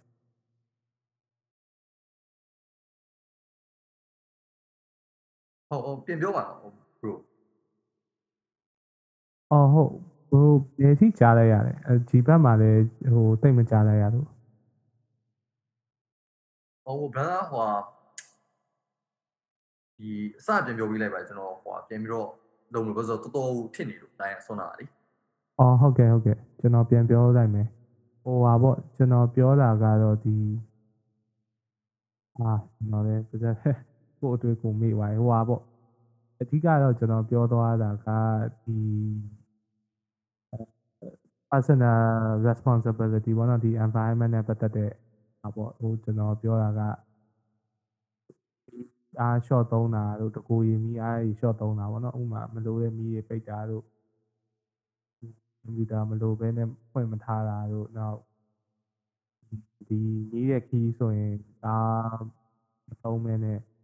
လမ်းလျှောက်သွားပဲဖြစ်ဖြစ်စပိန်နဲ့သွားဖြစ်ဖြစ်တခုခုပေါ့နော်အဲ့လိုမီးတွေတော့ကျွန်တော်တို့ personally နည်းနည်းတော့ control လုပ်လို့ရမယ်လို့ထင်တယ်ပေါ့ဒါပေမဲ့တကယ် big player တွေကတော့ခုနပြောတဲ့ corporation တွေကတော့ဒီ issue ကသူတို့ဒီကလို့ပဲကျွန်တော်ထင်တယ်ပေါ့ဟုတ်ကဲ့ဒါပေမဲ့လူတွေကားမောင်းတာရော့သွားရင်တော့နည်းနည်းတတ်တာမယ်လို့ထင်တယ် နောက်တစ်ခုအရေးဒါပေမဲ့ကြီးအဲ့ဒါတော့တော့ကျွန်တော်လုံးလို့ရမယ်လွယ်မယ်လို့ထင်တာပေါ့နော်အဲ့ဒါလည်းကြီးမားတဲ့စိန်ခေါ်မှုပဲ social or inclusive ပါဖို့လည်းအရင်ရေးကြည့်ရပေါ့ဥပမာဖြင့်နေဒီမှာဆိုရင်အာမိုက်တွေမီးမရှို့ဖို့လို့ရန်ကုန်မှာဆိုရင်လိုအပ်မှကားသုံးဖို့တာဒါဟိုပြောပြောနေရန်ကုန်ရန်ကုန် only ပဲကြည့်မယ်ဆိုရင်တော့ဗျာဟိုအမိုက်မပစ်ဖို့နဲ့ကားမသုံးဖို့အဓိကတိုက်တွန်းမယ်အဲမလိုအပ်တဲ့ပိတ်ကိုတိုက်တွန်းမယ်ပေါ့အဲ့ဒါတွေကိုကျွန်တော် social inclusive အနေနဲ့ဆောင်ရွက်ရတော့မှာအခုချိန်မှာဒါ campaign နေနဲ့အခြေတုံးဝင်ဆောင်ရွက်ရတော့မှာပေါ့နော်ဒါပေမဲ့ပြဿနာဘာလဲဆိုတော့ဟိုပြောပြောမလဲ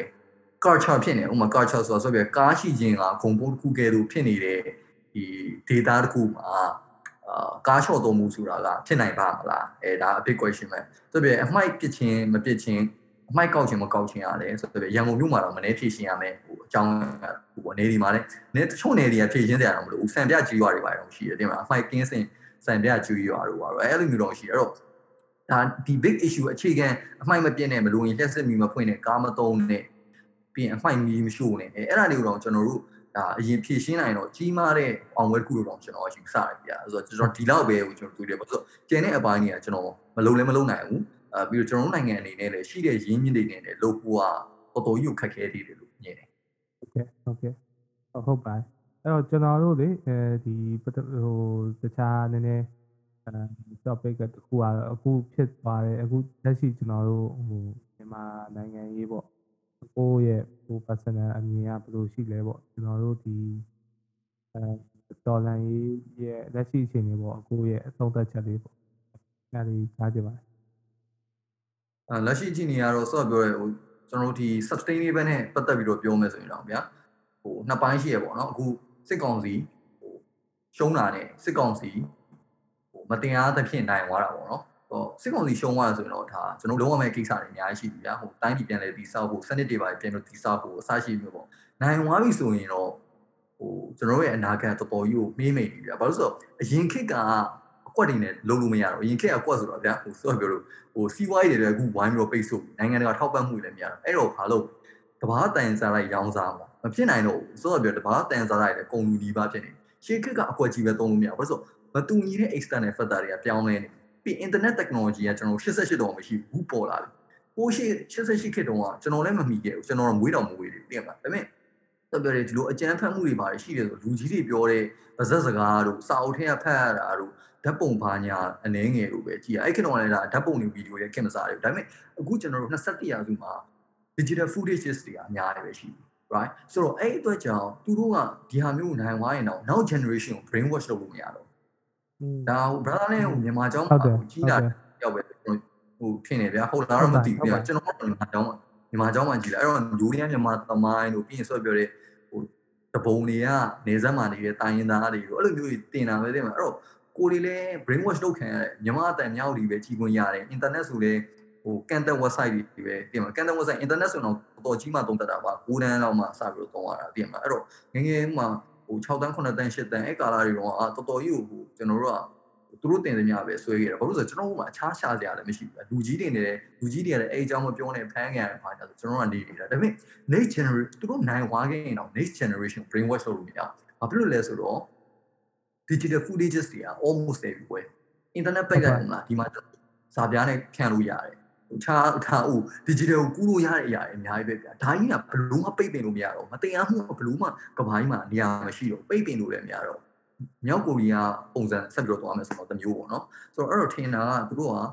နိုင်လေသူတို့နိုင်သွားတယ်သူရှုံးပါပဲအနေနဲ့ညံတော့အဲရှုံးရင်လည်းရှုံးပါပဲကျွန်တော်စိုးရိမ်တာဘာလဲဆိုတော့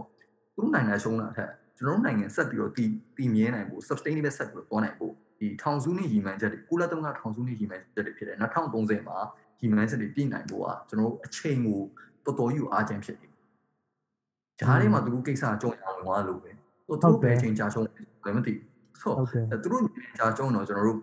ဒီတဘာပုံဝင်ခြင်းနဲ့ပတ်သက်တဲ့ကိစ္စတွေ next level education နဲ့ပတ်သက်တဲ့ဟာတွေဟို mobile ပေါ်ငွေပေးချေတဲ့စနစ်တွေစသဖြင့်ကျွန်တော်အများကြီးအကောင့်ထဲပေါ်လို့ရတယ်။အဲ့မဲ့ဆိုတော့သူတို့ဘယ်လောက်ထိကြောင်ညာဝင်ပြီးတော့အချိန်ဆွဲနေမလဲမသိဘူး။ဆိုတော့အဲအဲ့ဒါတခုပဲဒီ ဆိုတော့ဘာလို့ကြောင်ညာဆိုတော့ကြောင်ညာဆိုတာလည်းအချိန်ကာလတစ်ခုပြန်ကြောင်ပြောက်သွားမယ်ရဗျာသိလားဟိုကြောင်ညာဆိုတာရှိတာနဲ့တူတာပဲရှိတာအဲ့တော့အဲ့တော့သူတို့ကလည်းကျွန်တော်စောစောပြောနိုင်စရာအကြောင်းမရှိဘူး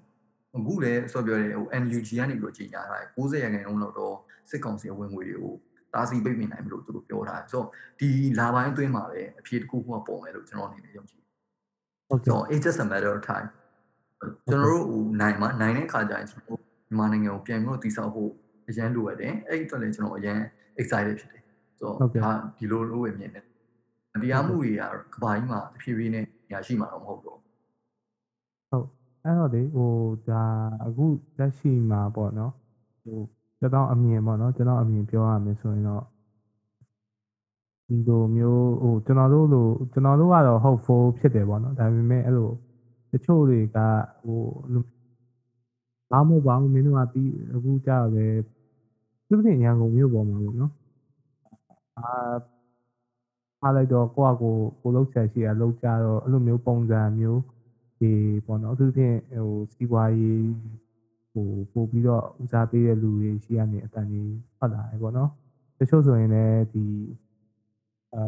ပုံမှန်လိုပဲလေပတ်နေပြီပေါ့နော်ဒါရန်ကုန်မြို့မှာဆိုရင်တို့ပြောမှာစတောက်ဆိုင်တွေဟိုဟိုအများတို့တွေပေါ့နော်ဘယ်လိုပီယာဆိုင်တို့ပါတော့က ဟိုလူတွေကတော့တွေ့နေရအောင်နော်အဲဆိုတော့အဲ့ပေါ်မှာရောဘယ်လိုမြင်လဲပေါ့ကျွန်တော်အမြင်တော့ကျွန်တော်ပြီးရင်ပြောမှာကို့အမြင်လေးနည်းနည်းရှင်းပြပါဦးအာနှစ်ပိုင်းရှိရပေါ့နော်နှစ်ပိုင်းရှိရပေါ့ဟိုချို့ဆိုပြောတဲ့ဟိုရှုံးမှပြီကွာဆိုပြီးတော့လက်လျှော့လိုက်တဲ့အဖွဲ့တွေလည်းရှင်းရှိမယ်အဲသူတို့ကဘာကြောင့်လက်လျှော့လဲဆိုတော့ရှင်းတယ်ရှုံးမှပြီကွာဆိုပြီးတော့လှုပ်လိုက်ခြင်းအပြင်ဒီစစ်ကောင်စီအောင်မှာတော့ဟိုပါရန်ရှင်းတဲ့ကိစ္စပဲသိမလားဟိုဘယ်လိုပြောမလဲ ကိုကသူတို့နဲ့ဟိုဘလောက်ခင်လဲမူတည်ပြီးတော့ကိုပတ်စံဘလောက်ရမလဲအခွင့်အရေးဘလောက်ရမလဲဆိုတော့ရနိုင်တဲ့အနေအထားမျိုးရှိတယ်ကွာအဲ့ဒီကြောင့်သူတို့ကတော့အခုဟိုပွင့်နေပြောမြေချင်းမှာလေးတာနေတာလေသူတို့လေးတာနေရပါပဲဟုတ်တယ်မလားဥပမာသူတို့ဖန်လို့ရတယ်စီးလို့ရတယ်လူတက်လို့ရတယ်ဟို brand ထုတ်လို့ရတယ်အစရှိပြီဒါကတော့သူတို့လောလောဆယ်မှာတော့လေးတာနေတာပေါ့နော်လေးတာဆိုတာလေပင်တိုင်းလိုပဲလေအကုန်လုံးကအသက်ရှိတယ်အနေမြင့်နေမြင့်ရှိတယ်ပေါ့နော်ဆိုတော့ဒီအတွက်ကြောင့်သူတို့အနေနဲ့အာဟို give up လုပ်ပြီးတော့ သွားပြီးတော့ပေါင်းတာဒါကလည်းကျွန်တော်သွားပြီးတော့ဗလိန်လို့လည်းမရဘာဖြစ်လို့လဲဆိုတော့လူတိုင်းကိုယူချင်တယ်ကိုချိုးကြတော့စာနီလုပ်ငန်းတွေပြင်လို့ဖွင့်တယ်ဘာကြောင့်လဲဆိုတော့သူတို့စာဝင်နေပြီးရက်တူတူလိုအပ်တယ်ဗျဆိုတော့ပြောရကျွန်တော်လူတိုင်းကလူကြီးရဲ့ background မှာမွေးလာတဲ့အတွက်ကြောင့်ဆိုပြီးဟာမင်းဆိုင်ပြန်ဖွင့်လို့ဈေးပြန်ရောင်းလို့ဆိုပြီးတော့ကျွန်တော်တို့ကသွားပြီးဗလိန်လို့မရအောင် as long as သူတို့ကဟိုမတရားမှုဘက်မှာရက်နေတာမဟုတ်ဘူးဆိုရင်တော့ကျွန်တော်တို့ကသူတို့ support လုပ်ပေးရ။ဘာဖြစ်လို့လဲဆိုတော့သူတို့မှာ maybe နောက်ွယ်မှာဟိုလာစာပေးရမယ်ဝန်ထမ်းတွေရှိတယ် ဒီလစာယူထားတဲ့ဝန်ထမ်းတွေကလည်းသူတို့မိသားစုရှိနေတယ်ဒီကုမ္ပဏီအနေနဲ့လည်းဟိုဝင်ငွေပို့ပြီးတော့များလာတဲ့အခါကျန်တဲ့ကျွန်တော်တရားမျှတမှုဘက်ပါဆောင်ရွက်နေတဲ့ CDN သမားတွေကိုပို့ပြီးထောက်ပံ့ပေးနိုင်တာဒါမှမဟုတ်တရားမျှတမှုနဲ့ဆောင်ရွက်နေတဲ့လူတွေကိုပို့ပြီးထောက်ပံ့ပေးနိုင်တာအစသဖြင့်လုပ်နိုင်မယ်ရတယ်လို့ထင်တယ်အဲဒီကြောင့်စီးပွားရေးဘယ်သူတွေပါပြန်လုပ်နေတယ်ဆိုတာဟိုကျွန်တော်အနေနဲ့မပလိန်လို့ဘူးအဲလူအပ်လို့လူတိုင်းကကိုယ့်ရဲ့ရည်ရွယ်ချက်နဲ့ကိုယ်လုပ်ကြရလို့ကျွန်တော်အနေနဲ့ယူဆတယ်အာဒါပေမဲ့ ဟိုဟာဆော့ပြောရကျွန်တော်တို့ယုံကြည်တဲ့ဒါ NUG အစိုးရရှိတယ် NUG အစိုးရလည်းဟိုရန်ဖန်ရန်ကတော့အာနှောင့်နှေးမှုတွေရှိပေမဲ့ဒါနှောင့်နှေးရဆိုတာလည်းဟိုကျွန်တော်နားလဲပါတယ်သူတို့အနေနဲ့လည်း online ပေါ်ကနေပြီးတော့ဆောင်းရတဲ့ကိစ္စတွေရှိရတဲ့ကြောင့်ဟိုအနေငယ်တော့နှောင့်နှေးနိုင်တယ်ပေါ့နော်အဲတော့နှောင့်နှေးမှုတွေရှိပေမဲ့လည်းသူတို့အနေနဲ့အကောင်းဆုံးရလဒ်တွေကိုအသက်နိုင်ဆုံးရှိတဲ့အနေအထားတွေဆောင်လာလို့ကျွန်တော်တို့မြင်နေဆိုတော့ဒီအခြေအနေကိုကျွန်တော်တို့ချက်စောင့်ကြည့်ရမှာဘာဖြစ်လို့လဲဆိုတော့ငကိုတွေက ကျွန်တော်တို့ကတခါတည်းရတယ်ကျွန်တော်တို့ depression ဝင်ပါတယ် situation ကိုကြည့်ပြီးဒါပေမဲ့ပြန်ပြီးတော့တစ်ဖက်ကနေစဉ်းစားကိုယ့်အကိုပဲမစဉ်းစားနဲ့စစ်ကောင်စီဘက်ကိုပဲစဉ်းစားကြည့်သူတို့မှာဆိုပြော CDN လောက်သွားတယ်သူတို့ဘက်တော်သားတွေကိုယ်တိုင်အောင်ရှိတယ်ကျောင်းနေပြန်ဖွင့်တယ်ဘယ်သူမှပြန်ပြီးတော့မတက်ကြအောင်ဟုတ်ပါတရားဝင်နေဘူးမှပြန်ပြီးတော့မတက်ကြအောင်သူတို့ဝင်ငွေ90ခန်းလုံးလောက်တော့ပိတ်ထားတယ်သူတို့ကကျွန်တော်တို့ထပ်ပို့ပြီးတော့ depression ဝင်နေပါဆိုတော့အဲ့လိုမျိုးစဉ်းစားလိုက်တယ်ဆိုရင်ကျွန်တော်တို့ depression ပျောက်သွားတယ်ဘာဖြစ်လို့လဲဆိုတော့သူတို့ကကိုယ့်ထက်အခြေအနေစိုးနေလို့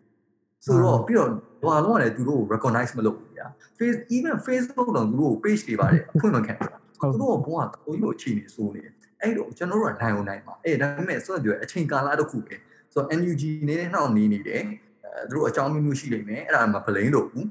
အဲ့မဲ့မြန်မြန်လေးလုပ်ပေးနိုင်တော့ကောင်းတယ်ပေါ့နော်ဒါပေမဲ့သူတို့လည်း online ပေါ်ကနေပြီးတော့မတူညီတဲ့အချိန်ကာလတွေနဲ့လုပ်ရတယ်ဖြစ်တဲ့ကြောင့်တော့ဟိုနည်းနည်းအသားစီးလေးတွေရှိမယ်လို့တော့ကျွန်တော်အနေနဲ့ထင်ပါတယ်ဘာလို့လဲဆိုတော့ကျွန်တော်တော့ဒီမှာ online နဲ့လုပ်တာတော့အခက်အခဲဖြစ်သူတို့လိုတကယ်အလုပ်ကြီးတွေလုပ်နေတယ်လို့ဆိုတော့ ပို့ပြီးတော့အခက်အခဲတွေရှိပါပေါ့နော်အဲ့တော့အဲ့တော့ဒါပေမဲ့သူတို့ပြင်ဆင်နေတယ်လို့ကျွန်တော် strongly ယုံကြည်တယ်အဲ့တော့ကျွန်တော်တို့ရဲ့အောင်ပွဲတွေမကြခင်ရောက်လာတော့မယ်မကြခင်ဆိုတော့ဘယ်အချိန်လဲတော့မသိဘူးဒါပေမဲ့ကျွန်တော်အဲ့လိုမျိုးယုံကြည်တယ်ဟုတ်ကဲ့ဟိုကျေးဇူးပါအနကူတို့ပြောပြကျွန်တော်ဟို personal အမြင်ကတော့ဒီကိစ္စအပေါ်မှာလည်းအဲဟိုဝင်းပြောသူပဲပေါ့နော်ကျွန်တော်ကလည်းဒီတိုင်းပါပဲတချို့ကြတယ်အကြောင်းမျိုးမျိုးကြောင့်ပြန်ပြီးဟိုဒီမျိုးလေပတ်ရတယ်လောက်ကန်ရတယ် အဲသွားလာရတယ်ဟိုရှိတယ်ပေါ့နော်ဟိုပြပြောခဲ့တဲ့မှာလေဒီရှေ့ဆက်ဒီထားပါဒေါ်လာရေးအောင်ဝါပြီးလို့ရှေ့ဆက်သွားမယ်နိုင်ငံဒီဆောက်ရေးအပိုင်းတွေမှာကြာရောဟိုဘယ်အပိုင်းတွေကိုကျွန်တော်တို့အဓိကထားတင်တယ်ပေါ့နော်အဲ့ဒါလေးရပြီးတော့ကျွန်တော်တို့နိုင်ငံမှာအခုဖြစ်နေတဲ့ဒီဘယ်လိုပြောရမလဲနိုင်ငံသားကိစ္စလို့ပြောရမှာ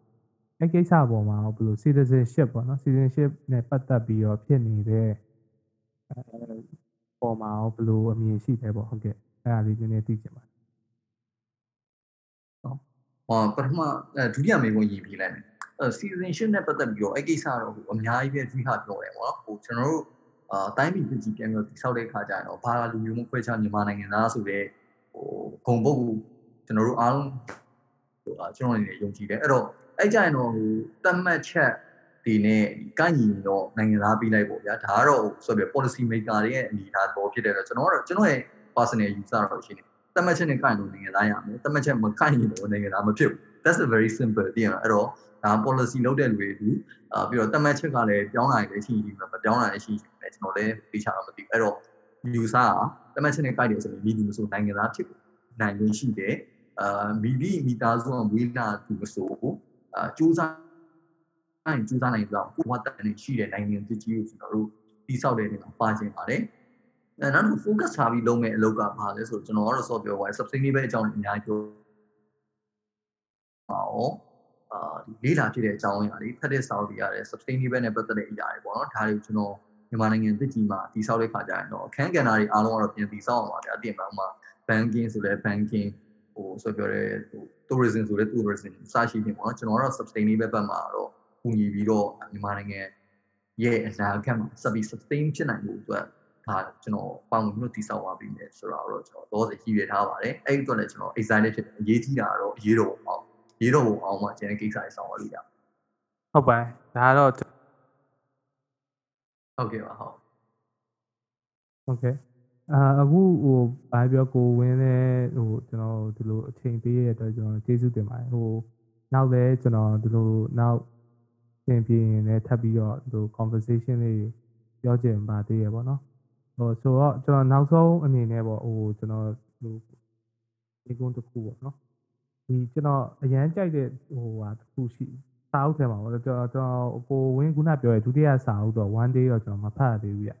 ကျွန်တော်ဒီ21ရာစုမှာကျွန်တော်အဲ့ရှေ့ဆုံးဟာကိုဒီစူးစမ်းတိုင်းဖြစ်နိုင်လားဆိုရယ်မိကုန်းနဲ့ကျွန်တော်ဒီစာအုပ်ကိုကျွန်တော်သဘောကျသွားတယ်ဆိုတော့အဲ့ဒီ concept လေးကိုနည်းနည်းဟိုနားထောင်နေတဲ့လူတွေနည်းနည်းပြန်ရှင်းပြပေးလို့ရမလားဟုတ်ကဲ့စူးစမ်းတိုင်းဖြစ်နိုင်လားဆိုတော့အဲ့တော့ recently example နဲ့ပြောမယ်ဆိုရင်ဗျာကျွန်တော်လည်းဟိုဒါ2000 2013ကလေးကနေပြီးတော့တလန်အတွက်ကျွန်တော်စူးစမ်းခဲ့တာပဲအခုတော့ကျွန်တော်ဘာဖြစ်သွားလဲဆိုတော့ စူးစမ်းတိုင်းဖြစ်နိုင်တာဆိုရင်အခုလောလောဆယ်ဒါစစ်ကောင်စီကနေပြီးတော့905ဒါချားတာရဟုတ်အဲ့တော့ပါတော့ကျွန်တော်ရဲ့ပိုင်ဆိုင်မှုတွေတော်တော်များများဆုံးရှုံးလိုက်ရတယ်ဗျာဥပမာအဖြစ်ကျွန်တော်ရဲ့ဘဏ်အကောင့်တွေပိတ်ခံရတယ်ပြင်မလားအဲ့လိုမျိုးတွေရှိတယ်ပြီးရင်ကျွန်တော်ရဲ့တကူကြီးလွတ်လပ်မှုကဆုံးရှုံးသွားပြီဗျာအခုကျွန်တော်ဘယ်မှာလဲဖေဟာဘာလုပ်တယ်ဘာညာကျွန်တော်ဘူးမှပြောလို့မရတော့ဘူးပြင်မလားဆိုတော့အဲ့တော့ကျူးစားနေဖြစ်နိုင်တာဆိုကျွန်တော်ကျူးစားခဲ့တဲ့အရာတွေကအခုလူတစုအချင်းရုပ်တဲ့အတွက်ကြောင့် ဘောမျိုးဖြစ်သွားတယ်အဲ့တော့သူတို့ကြာရှုံးသွားရင်တော့မှကျွန်တော်ပြန်ပြီးတော့တည်ဆောက်အောင်ပါဒါဟိုကျွန်တော် recently example ပေါ့နော်ပြီးတော့နောက်ဟို traditional example အနေနဲ့ပြန်ပြီးတော့စဉ်းစားကြည့်ဆိုတော့ပြောရဲမြန်မာနိုင်ငံမှာထိတ်တန်းရောက်နေတဲ့လူတွေကဟိုဒီလိုဆိုတော့ပြောရဲဒီအတိုင်းဝိုင်းတွေကလူတွေဒီအတိုင်းဝိုင်းဆိုတော့အထူးအားဖြင့်ဆိုတော့စစ်ကောင်စီတိုင်းဝိုင်းတွေကလူတွေကပို့ပြီးတော့များတယ်ဗျာမတရားသဖြင့်ဒါဟိုဟိုတော်တော်ရထားတဲ့ကြီးဟာတွေဒါနိုင်ငံရေးစကားတွေစစဘယ်လိုမှမဖြစ်နိုင်ငံနိုင်ရေးစဘူးကားတွေပေါ့နော်မတရားဖြင့်ရထားတဲ့ဟာတွေပဲပို့ပြီးရှိတယ်အဲ့တော့သူတို့လောက် ခမားကဟိုစူးစမ်းတယ်ပဲထားသူတို့လောက်ကုမ္ပဏီရဲ့ reputation အနေထားဝင်ငွေအနေထားဈေးကွက်အနေထားရနိုင်မယ်လို့ထင်တာမဖြစ်နိုင်ဘူးအမေသိပ္ပံပညာရှင်ဟုတ်ကဲ့သိပ္ပံပညာရှင်ဖြစ်နေတယ်ဆိုတော့မဖြစ်နိုင်ဘူးလားမဖြစ်နိုင်ဘူးအဲဒါမှ even သိပ္ပံပညာရှင်တွေဘာပြောနည်းနည်းပို့မမြင်ပါကြာဟိုခုပြောကိုကတာမန်လူရန်စားဟိုကျောင်းဆရာဆရာမ ဟိုလေဟိုလက်မထိုးတတ်တဲ့လူပေါ့နော်အရင်ကပုံစံမျိုးနဲ့ပြန်ပြီးတော့ပြောဆိုအဲ့တော့မင်းအစစ်တရဖို့တော့တူစားနိုင်ဖြစ်နိုင်မလားဆိုပြီးတော့ဒါ a big question မှာတခုဖြစ်ပြောအဲ့တော့ဟိုကျွန်တော်ဒီတစ်ခါကျရင်စူးစမ်းနိုင်ဖြစ်နိုင်လားဆိုတော့မဖြစ်နိုင်ဘူးဒါပေမဲ့ကျွန်တော်နိုင်ငံတည်ဆောက်တဲ့အခါမှာ the land of opportunity အခွင့်အလမ်းအားလုံးကိုလူတိုင်းအတွက်ညီလူမျှသူခံစည်းပေးနိုင်တယ်စူးစမ်းနိုင်ဖြစ်နိုင်တဲ့နိုင်ငံတစ်ခုအနေနဲ့ကျွန်တော်မြင်တယ်ဟိုစ조사ဖို့အခွင့်အရေးရှိတဲ့နိုင်ငံလို့ ကျွန်တော်ပြောပြောရင်ပိုအဆင်ပြေမယ်စူးစလို့မ်းဖို့အခွင့်အရေးလည်းရှိတယ်ပြီးတော့စူးစမ်းသူတိုင်းအတွက်လည်းနေရာတစ်ခုရှိတဲ့နိုင်ငံပေါ့နော်ဥဥမာဗျာဟိုကျွန်တော်ပြောဘယ်လောက်တကယ်ထူးချွန်ပြီးတော့အခွင့်အရေးနေရာမရဖြစ်နေတဲ့လူတွေရှိတယ်ဟုတ်ကဲ့တင်တာတစ်ခုသွားပြီးတော့ပြန်ကြည့်ကုမ္ပဏီဒါရိုးရှင်းဆုံးပြောကို့မှာဒီမှာကို့မှာပတ်စံရှိတယ်ဆိုရင်တော့ကိုကသူတို့နဲ့ညီးကက်တဲ့လူမဟုတ်ဘူးသူတို့ကိုညှောက်ပင့်ပါစားတဲ့လူမဟုတ်ဘူးဆိုရင်မင်းစူးစမ်းလည်းမဖြစ်နိုင်ဘာဖြစ်လို့လဲ ရှင်းပြလို့မရဘူးအကိစ္စဟုတ်လား ဟုတ်တယ် အဲ့တော့ကျိုးဖြစ်နိုင်တယ်ဆိုတော့အဲ့တော့စက်တာပေါင်းဆိုအများကြီးပါရှိရဗျာအဲ့တော့ဥမာနေမာနေတဲ့ကလေး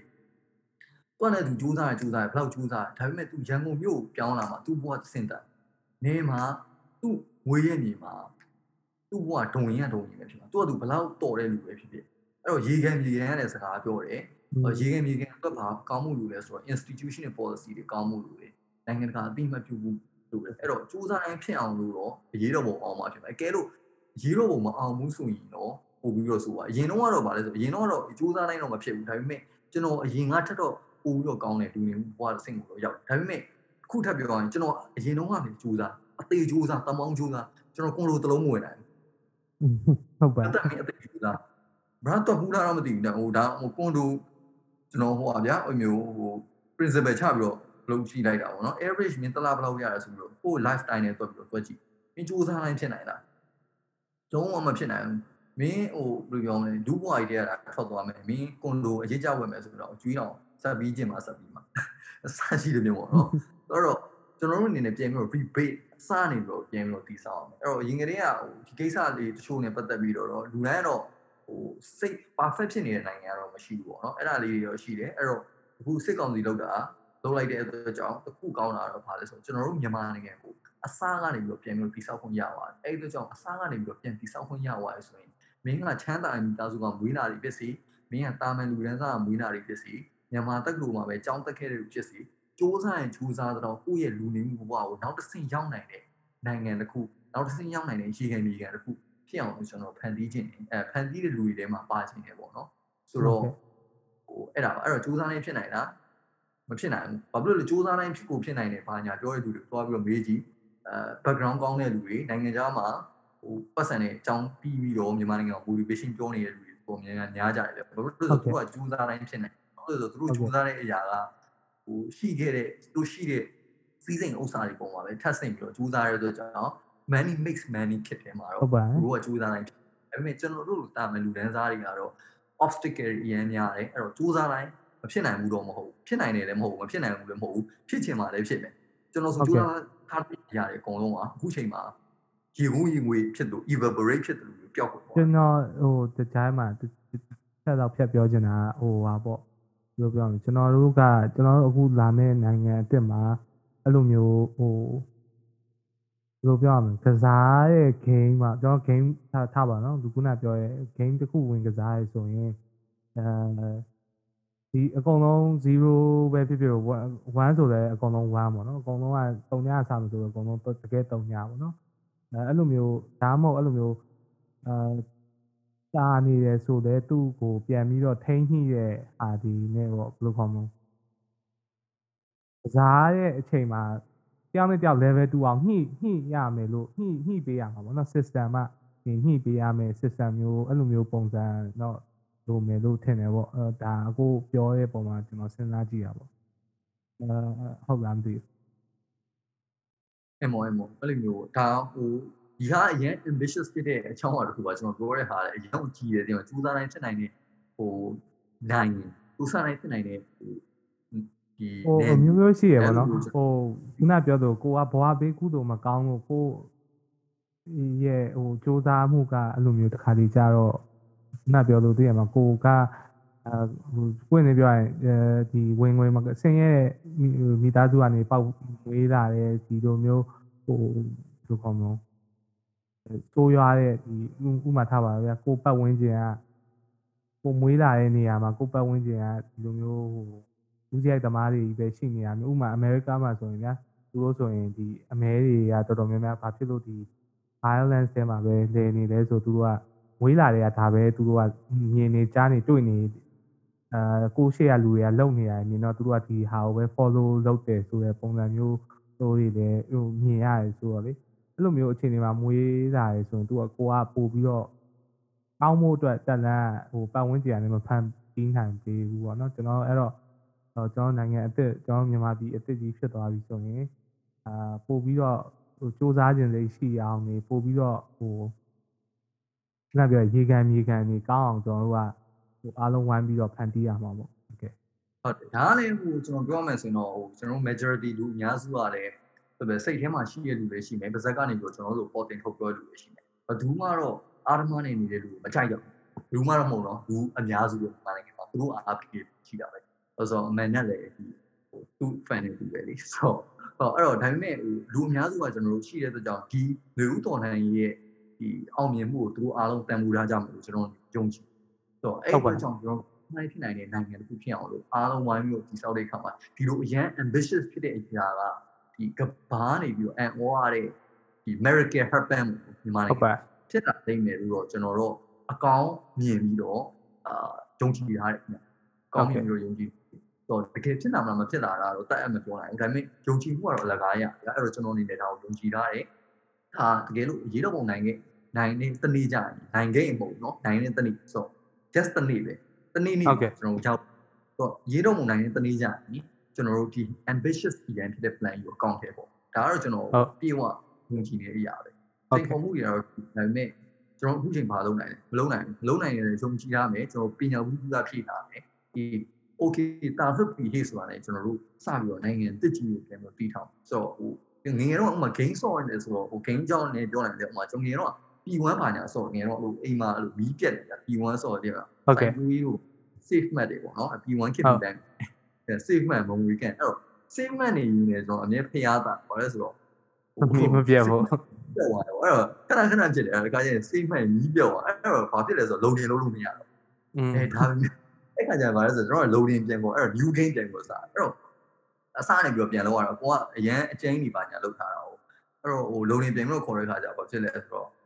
ဟိုဟိုကိုကပူကောင်းတဲ့နောက်တစ်ခါမီးပြတ်သွားလို့အစားနေပြန်ပြီးတော့ဆော့ပြီးမယ်လေဟကိုကအကွက်တွေပြီးသွားတယ်ဘယ်လိုလုပ်ရင်ဘယ်လိုဖြစ်တယ်ဘယ်လိုလုပ်ရင်ဘယ်လိုဖြစ်တယ်ဟောရပြီးပြီးတာအဲ့ခါကျတော့ပို့ပြီးတော့ကြံလို့ရတယ်ပို့ပြီးတော့ကောင်းလို့ရတယ်ဒုတိယအမြဲတမ်းပထမခွင့်ရတယ်ပို့ပြီးတော့ကောင်းတာအဲ့တော့ဟုတ်ပါမြန်မာနိုင်ငံကဒီတော့ကောင်းနေတယ်အာပုံဝင်ကျင်နိုင်ငံတွေကတော့တကယ်ကိုအရန်အားကြနေရတယ်ကမ္ဘာအားကြနေတယ်ကောင်းနေတယ် development အရှင်ဟိုတွေကအရန်ကျင်းတယ်ဒါပေမဲ့အခုချိန်မှာမီးပြတ်သွားလို့ save မှတ်လိုက်တဲ့ဟာပြတ်သွားတယ်အဲ့ဆောင်ရှိကျွန်တော်တို့အစနေကနေပြီးပြန်စားတယ် ဒါပေမဲ့ဘယ်လိုလုံးရတဲ့အရာကျွန်တော်အားလုံးသိထားဖြစ်တဲ့အတွက်ကြောင့်ဒါကပို့ပြီးတော့မြန်လိုက်တယ်ပို့ပြီးတော့လည်းကောင်းလိုက်တယ်ပို့ပြီးတော့လည်းကျန်းလိုက်တယ်ဟုတ်ကဲ့ကျေးဇူးပါအဲ့လိုမျိုးအခုလိုပြောပေးရတဲ့အတွက်အချိန်ပေးရတဲ့အတွက်လည်းကျေးဇူးပါဟုတ်ကဲ့ဒါကတော့ကျွန်တော် opinions and thoughts podcast ပါဟုတ်ကဲ့ကိုဝင်းကိုကိုအောင်ဒီ PJW ပေါ့နော်အဲကျေးဇူးပါဟိုနောက်တဲ့ကျွန်တော်တို့ထပ်တွေ့ကြမယ်နော်ဟုတ်ကဲ့ဟုတ်ကျေးဇူးပါခေါ်ကျွန်တော်အားလုံးနဲ့ထပ်ပြီးတော့တွေ့ကြပါတယ်ဆိုတော့အားလုံးပဲ stay safe ပါဆိုတော့တော် လိုင်းလို့ပို့လိုက်ကြပါဟုတ်ကဲ့အဲဟုတ်ကဲ့ကျေးဇူးပါခင်ဗျဟုတ် Okay, see you. see you see you